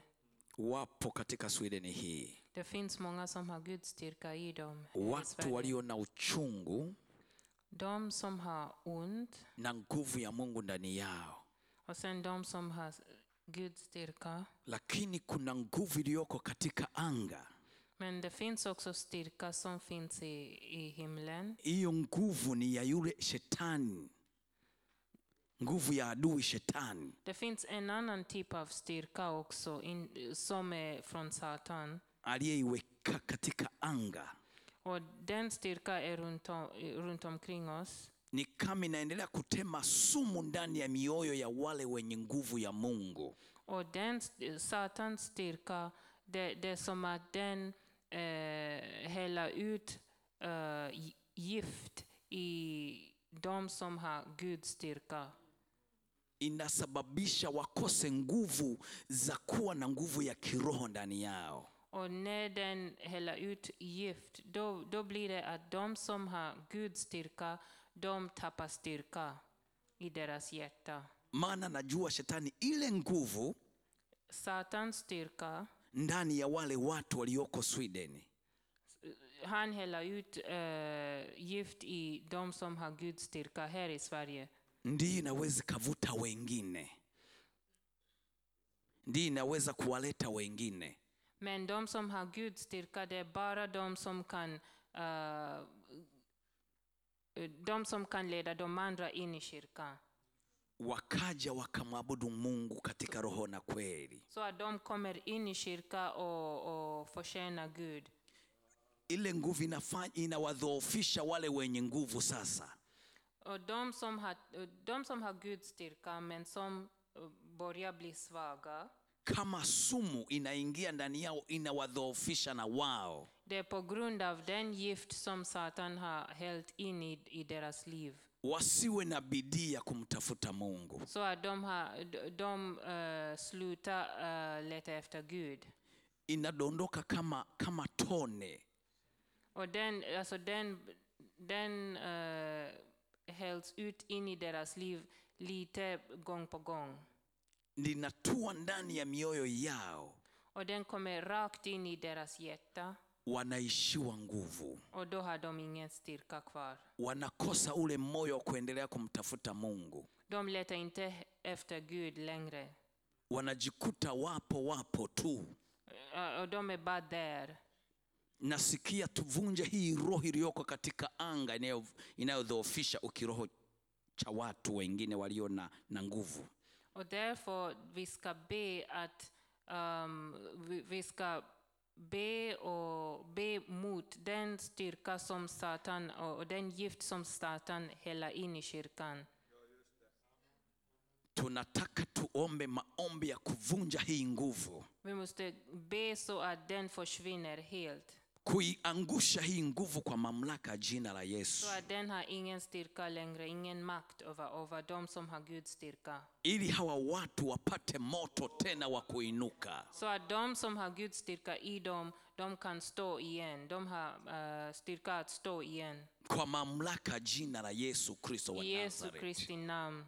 nimesikia mungu akiliweka ndani ya moyo wangu kwa nguvu Och Gud har, Gud har lagt det i mitt hjärta. Hii roho isiwepo tena katika anga kwa, kuvun, kwa kuharibu mioyo ya watakatifu Att Satans makt ska brytas. Så att den eh, den kommer inte att påverka de som har Guds makt i dem. iko katika anga kama ile roho ya umedi na uajemi Och den finns eh, runt omkring oss. lakini mungu ametupa mamlaka ya kuivunja Men Gud har gett oss uh, den förmåga att bryta den. Kwa mamlaka jina la yesu Yesu Kristi nam. tunakwenda kuangusha hii roho Och nu ska vi bryta den makt, Tu- Satans makt. tufanye vita tufanye maombi ya kivita Vi ska be i, alltså vi ska kriga så att vi bryter den här makten. maombi ya kivita kuvunja kuangusha kudondosha hii Vi roho ska be så att vi bryter den här makten. inawezekana Och den är tusimame wote Nu ska vi stå och be. tusimame wote Vi står och be maombi ya kivita, sio ya kukaa, ni kusimama. Tembea, tembea, fanya, onyesha hisia za kupambana. Pambana. Kriga. kwa nguvu zako zote. Kriga med all styrka som du har. kwa uweza wote ambao mungu ameuweka ndani yako. All styrka som Gud har gett dig. katika jina la yesu tuiangushe hii ngome. So att vi kan bryta den här makten i Jesu Kristi namn. katika jina la yesu. Yesu katika jina la yesu kristo. Wewe ni mungu wa kweli. Wewe ni mungu wa haki. Wewe ni mungu wa uzima. Tunadondosha hii roho. Tunaachilia moto katika anga anga anga anga lifunguliwe. Hii roho iliyokamata anga na kusababisha kumwaga sumu ndani ya mioyo ya watakatifu. Wanaishiwa nguvu wanapoa kiroho wanakosa nguvu katika jina la yesu kristo katika jina la yesu kristo katika jina la yesu kristo katika jina la yesu kristo. Tunadondosha hii roho kwa mamlaka jina la yesu. Tunaangusha tunaangusha tunaangusha tunaangusha tunaangusha. Kwa moto kwa moto kwa moto kwa moto kwa moto. Tunatuma makombola ya moto. Tunaachilia makombola ya moto. Moto wa roho mtakatifu. Moto wenye uweza. Moto wenye nguvu. Moto wenye uweza. Katika jina la yesu angaliwe wazi. Angaliwe wazi. Angaliwe wazi. Angaliwe wazi. Angaliwe wazi. Angaliwe wazi. Tunadondosha hii roho. Tunadondosha hii roho. Tunadondosha hii roho. Tunadondosha hii roho. Kwa moto kwa moto kwa moto kwa moto kwa moto katika jina la yesu. Achianga achianga achianga achianga achianga moto wa yesu kristo moto wa yesu kristo moto wa yesu kristo. Achianga achianga achianga achianga achianga katika jina la yesu kristo wa nazareti katika jina la yesu tunakuangusha. E roho unayedhoofisha watu e roho unayedhoofisha watu e roho unayenyonya nguvu za watu kiroho roho unayenyonya nguvu za watu kiroho. Roho unayenyonya nguvu za watu kiroho. Achia achia achia achia mara moja achia mara moja achia mara moja achia mara moja achia mara moja. Kwa mamlaka jina la Yesu Kristo kwa mamlaka jina la Yesu Kristo kwa mamlaka jina la Yesu Kristo. We roho achia. We roho unayedondosha sumu. Wewe roho unayedondosha sumu. We roho unayedondosha sumu. Ndani ya mioyo ya wateule ndani ya watu wa Mungu ndani ya watu wa Mungu wanaishiwa nguvu wanarara kiroho wanapoa kiroho. Toka toka toka toka toka toka toka toka toka. Kwa mamlaka jina la Yesu lazima achianga achianga achianga achianga achianga achianga. Kwa mamlaka jina la Yesu Kristo kwa mamlaka jina la Yesu. Achianga achianga achianga achianga achianga. Tunakuamuru kwa moto tunakuamuru kwa moto tunakuamuru kwa moto. Moto wa Yesu Kristo moto moto moto moto moto fire, fire, Toka, fire, toka, fire, achia, fire, achia fire, fire, Toka, fire, achia, fire, achia, fire, achia, fire, achia in the name of Jesus, achia, in the name of Jesus achia. Christ, fire, fire, fire, fire, Toka, fire, toka, fire, toka, fire, toka, fire, toka. fire, Huna fire, mamlaka. fire, Toka kwa jina fire, Yesu. fire, Toka kwa fire, jina fire. Yesu. Toka kwa jina fire, Yesu. fire, Achia anga la Sweden. command, Achia. I command in the name of Jesus. Achia. I command, fire, I fire, command, achia, achia anga, fire, achia anga, achia anga janga. Yesu, Yesu, achilia, achilia jeshi la vita, achilia malaika wa vita. Wewe roho achia, wewe roho achia, wewe roho achia, wewe roho achia, wewe roho achia, wewe roho achia, kwa damu ya Yesu Kristo, kwa damu ya Yesu Kristo, kwa damu ya Yesu Kristo, kwa damu ya Yesu Kristo, kwa damu ya Yesu Kristo, una mamlaka, una mamlaka, dondoka, mapepo yako yote. Ninayakemea, ninayaharibu, achia, achia Dondoka.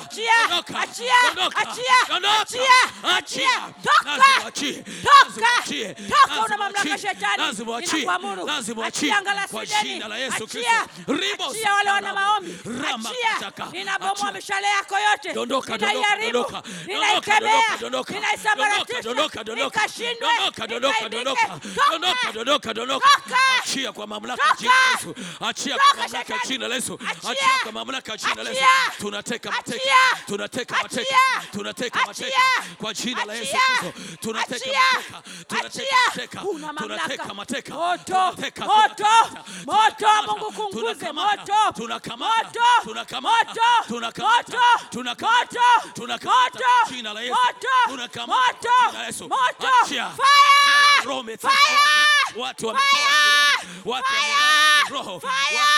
kiroho, hakuna uamsho wote, hakuna nguvu yoyote. Achia.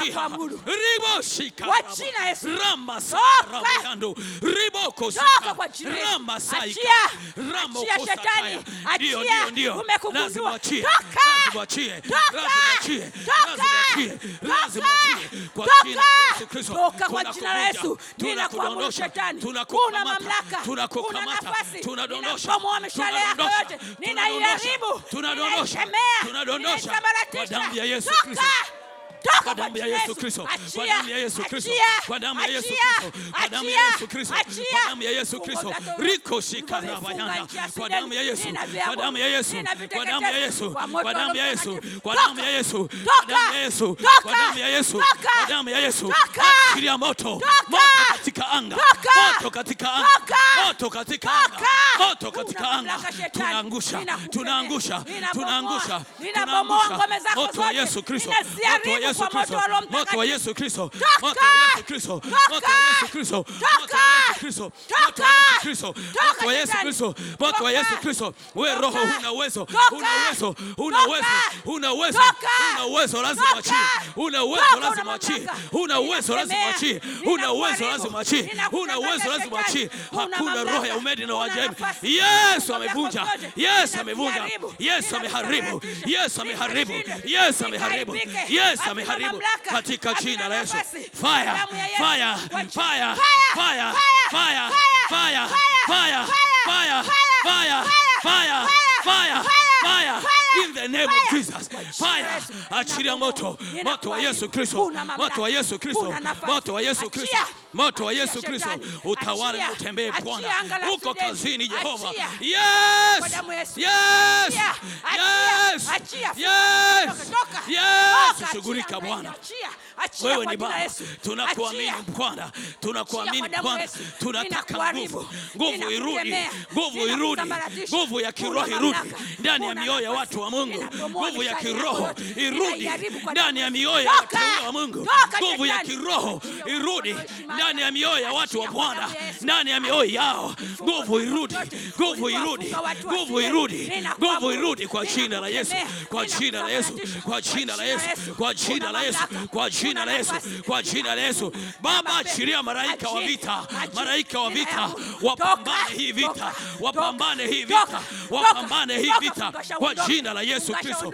Yes, yes, yes, yes, yes, yes. achilia nguvu yako Bwana, achilia mkono wako, achilia mamlaka yako. Baba, tunakuamini. Baba, tunakuamini.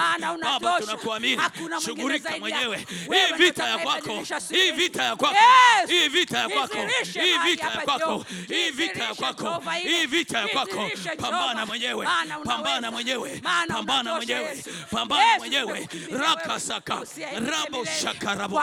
Riboshika. Rama sakaraba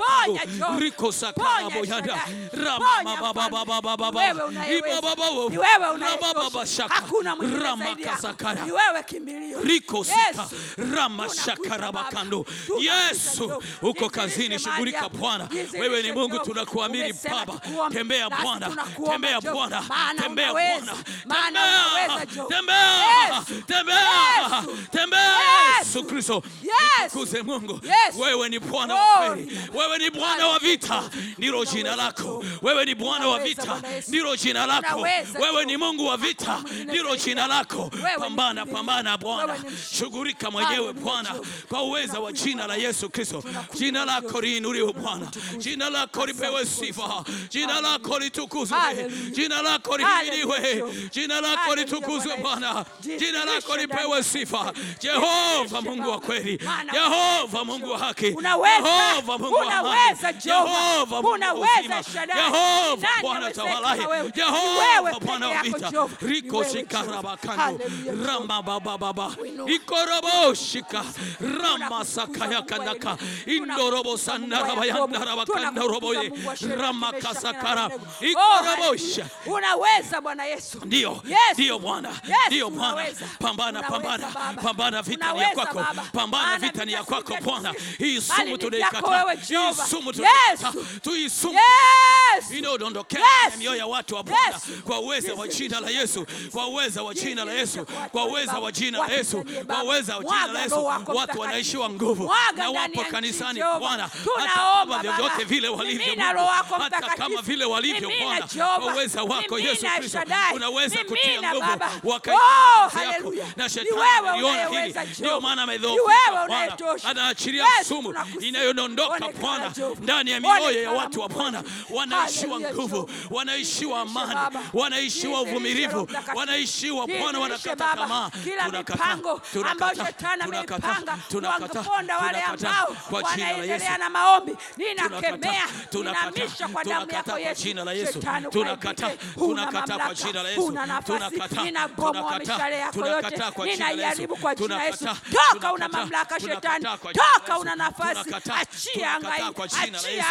hangai, achia kwa jina la Yesu, achia anga la Sideni, achia la Sideni, achia anga la Sideni, achia anga la tumeangusha, tumeangusha, tumedondosha, tumeangusha. Kwa mamlaka jina la Yesu Kristo, tumebomoa, tumebomoa, tumeangusha, tumeangusha, tumeangusha kwa jina la Yesu Kristo. Wewe ni Bwana wa vita, Bwana wa majeshi, ndilo jina lako Bwana wa majeshi, Bwana mwema, Bwana mwenye uwezo na mamlaka. Yesu, asante, asante kwa kuwa hii roho imeachiria, imeachiria Bwana. Lazima nguvu irudi Bwana ndani ya Sweden, lazima nguvu irudi ndani ya Waswidishi, lazima nguvu irudi itende kazi Bwana, watu wakuone Bwana, watu wasikie nguvu mpya, watu wasikie moto mpya, watu wasikie nguvu mpya, watu wasikie kuamka kupya. kwa namna ya jina la Yesu Kristo, kwa nguvu ya jina la Yesu Kristo, kwa uweza wa jina la Yesu Kristo, neema yake ikiwafunika Bwana, neema yake ikiwafunika tena kwa upya kwa jina Yesu Kristo, wafunike na nguvu yako, oh, wafunike na Roho yako Mtakatifu. Yesu kae pamoja nao, oh, ukawapiganie. Oh, asante Yesu kwa kuwa wewe ni Mungu wa vita, asante kwa sababu wewe ni amiri jeshi mkuu, wewe ni amiri jeshi mkuu, wewe ni amiri jeshi mkuu, wewe ni amiri jeshi mkuu, Bwana wa majeshi, Bwana mabwana, utawala na inakumiriki. Tunakupa sifa Baba, tunakuheshimu Baba, tunakuinua Bwana, tunakushangilia Bwana. Tunakutukuza Jina matendo makubwa. Uinuliwe Mungu. wetu, uinuliwe Yesu. Oh, haleluya, Tunakutukuza Jina lako Jehova, sifa Bwana. Haleluya. Jina lako Mungu wa Israeli. Katika jina la Yesu Kristo wa Nazareti. Asante kwa neema na wema wako. Asante kwa upendo wako na nguvu zako, kwamba Bwana utaendelea kutenda, kwamba Bwana utaendelea kuhusika, kwamba Bwana utaendelea kumiliki na kutawala kwa utukufu wa jina la Yesu Kristo wa Nazareti. Sifa zina wewe Bwana. Sifa zina wewe na heshima na utukufu. Pokea sifa Bwana, pokea heshima Bwana, pokea mamlaka, pokea sifa kwa uweza wako na ukuu wako Mungu, katika jina la Yesu Kristo uliye Bwana na Mwokozi wa maisha yetu, tunaomba na kuamini. Amen, amen, amen, amen. uraboshandarabosika ramakasakaraboyanda rikoshakarabayanda sifa ni zako uweza ni wako mamlaka ni yako. Katika jina la yesu. Amen. Amen. Oh, mpigie yesu makofi kwa pamoja. Mpige yesu makofi na kumshangilia bwana. Yeye mungu aliye na uweza na mamlaka Det är Jesus som har all makt och ära. yeye anayejua ni kipi tunapaswa tufanye Ye, Det är han som vet det som vi ska göra. kwa ajili ya utukufu wake För hans ära. na haleti kitu bila kujua kusudi lake Han tillåter inte någonting. anakuwa anajua lengo lililopo hapo Han, han gör saker för att han vet mål. ili alifanye so att han kan göra det. ili atende Så att han kan, kan svara våra bön. ndiyo maana mungu anatufunulia kufanya kilicho katika uwepo wake Och han visa oss det som, han ska, det som vi ska göra för hans era na tunaamini katika ulimwengu wa roho Och vi tror kwamba vita imepigwa at vi har krigat. na yule mkuu wa anga ameshindwa Och Satan, eh, han har tappat all makt. kwa mamlaka jina la yesu kristo I Jesu Kristi namn. tuamini kwamba bwana amefanya Låt oss tro på det, att Sa- Gud har gjort det. sasa tujitie nguvu sasa Och nu ska vi, ska, ska vi ha, ge, vi ska uh, uppmuntra oss själva. uwe na nguvu ya kuwa na bidii ya kumtafuta mungu Uppmuntra dig själv, alltså du ska ha styrka att gå vidare och leta efter Gud. Mungu ataendelea kukuinua zaidi na zaidi, Gud na kom, zaidi. kommer att visa sig själv till dig mer och mer. mungu awabariki sana Gud välsigna er. amen Amen. Pastor. Amen. Thank you brother. Thank you brother. Amen. Härligt. Amen. Tack ska du ha Mörstin. Vilka härliga krigare. Amen. Bönekrigare. Underbart. Thank you very much. Halleluja. Så fantastiskt. Vi behöver det här i Sverige. Fram med stora kulsprutorna och skjut lite. Amen. Det är starka fästen som måste skjutas ner.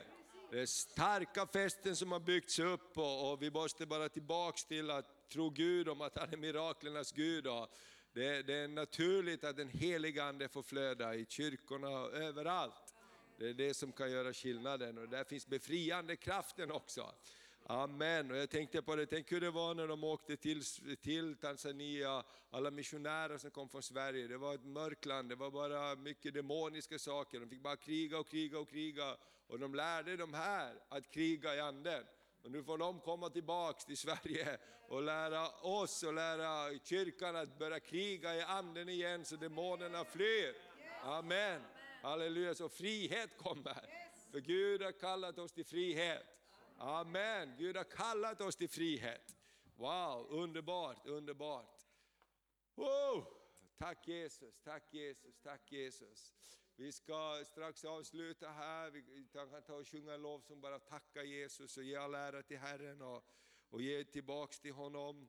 All ära och makt, det är han som bekläder oss med styrka och kraft. Och så tar vi eh, två timmars paus och klockan sex så tar vi ett pass till. Orkar du med ett pass till idag? Amen, nu har vi värmt upp. Så. Så låt oss komma och ring till någon att komma med också ikväll och be så gör vi ett bönearbete. Så låt oss stå upp bara till slut här och sjunga en sång och bara älska Jesus och tacka honom för hans nåd och hans kärlek.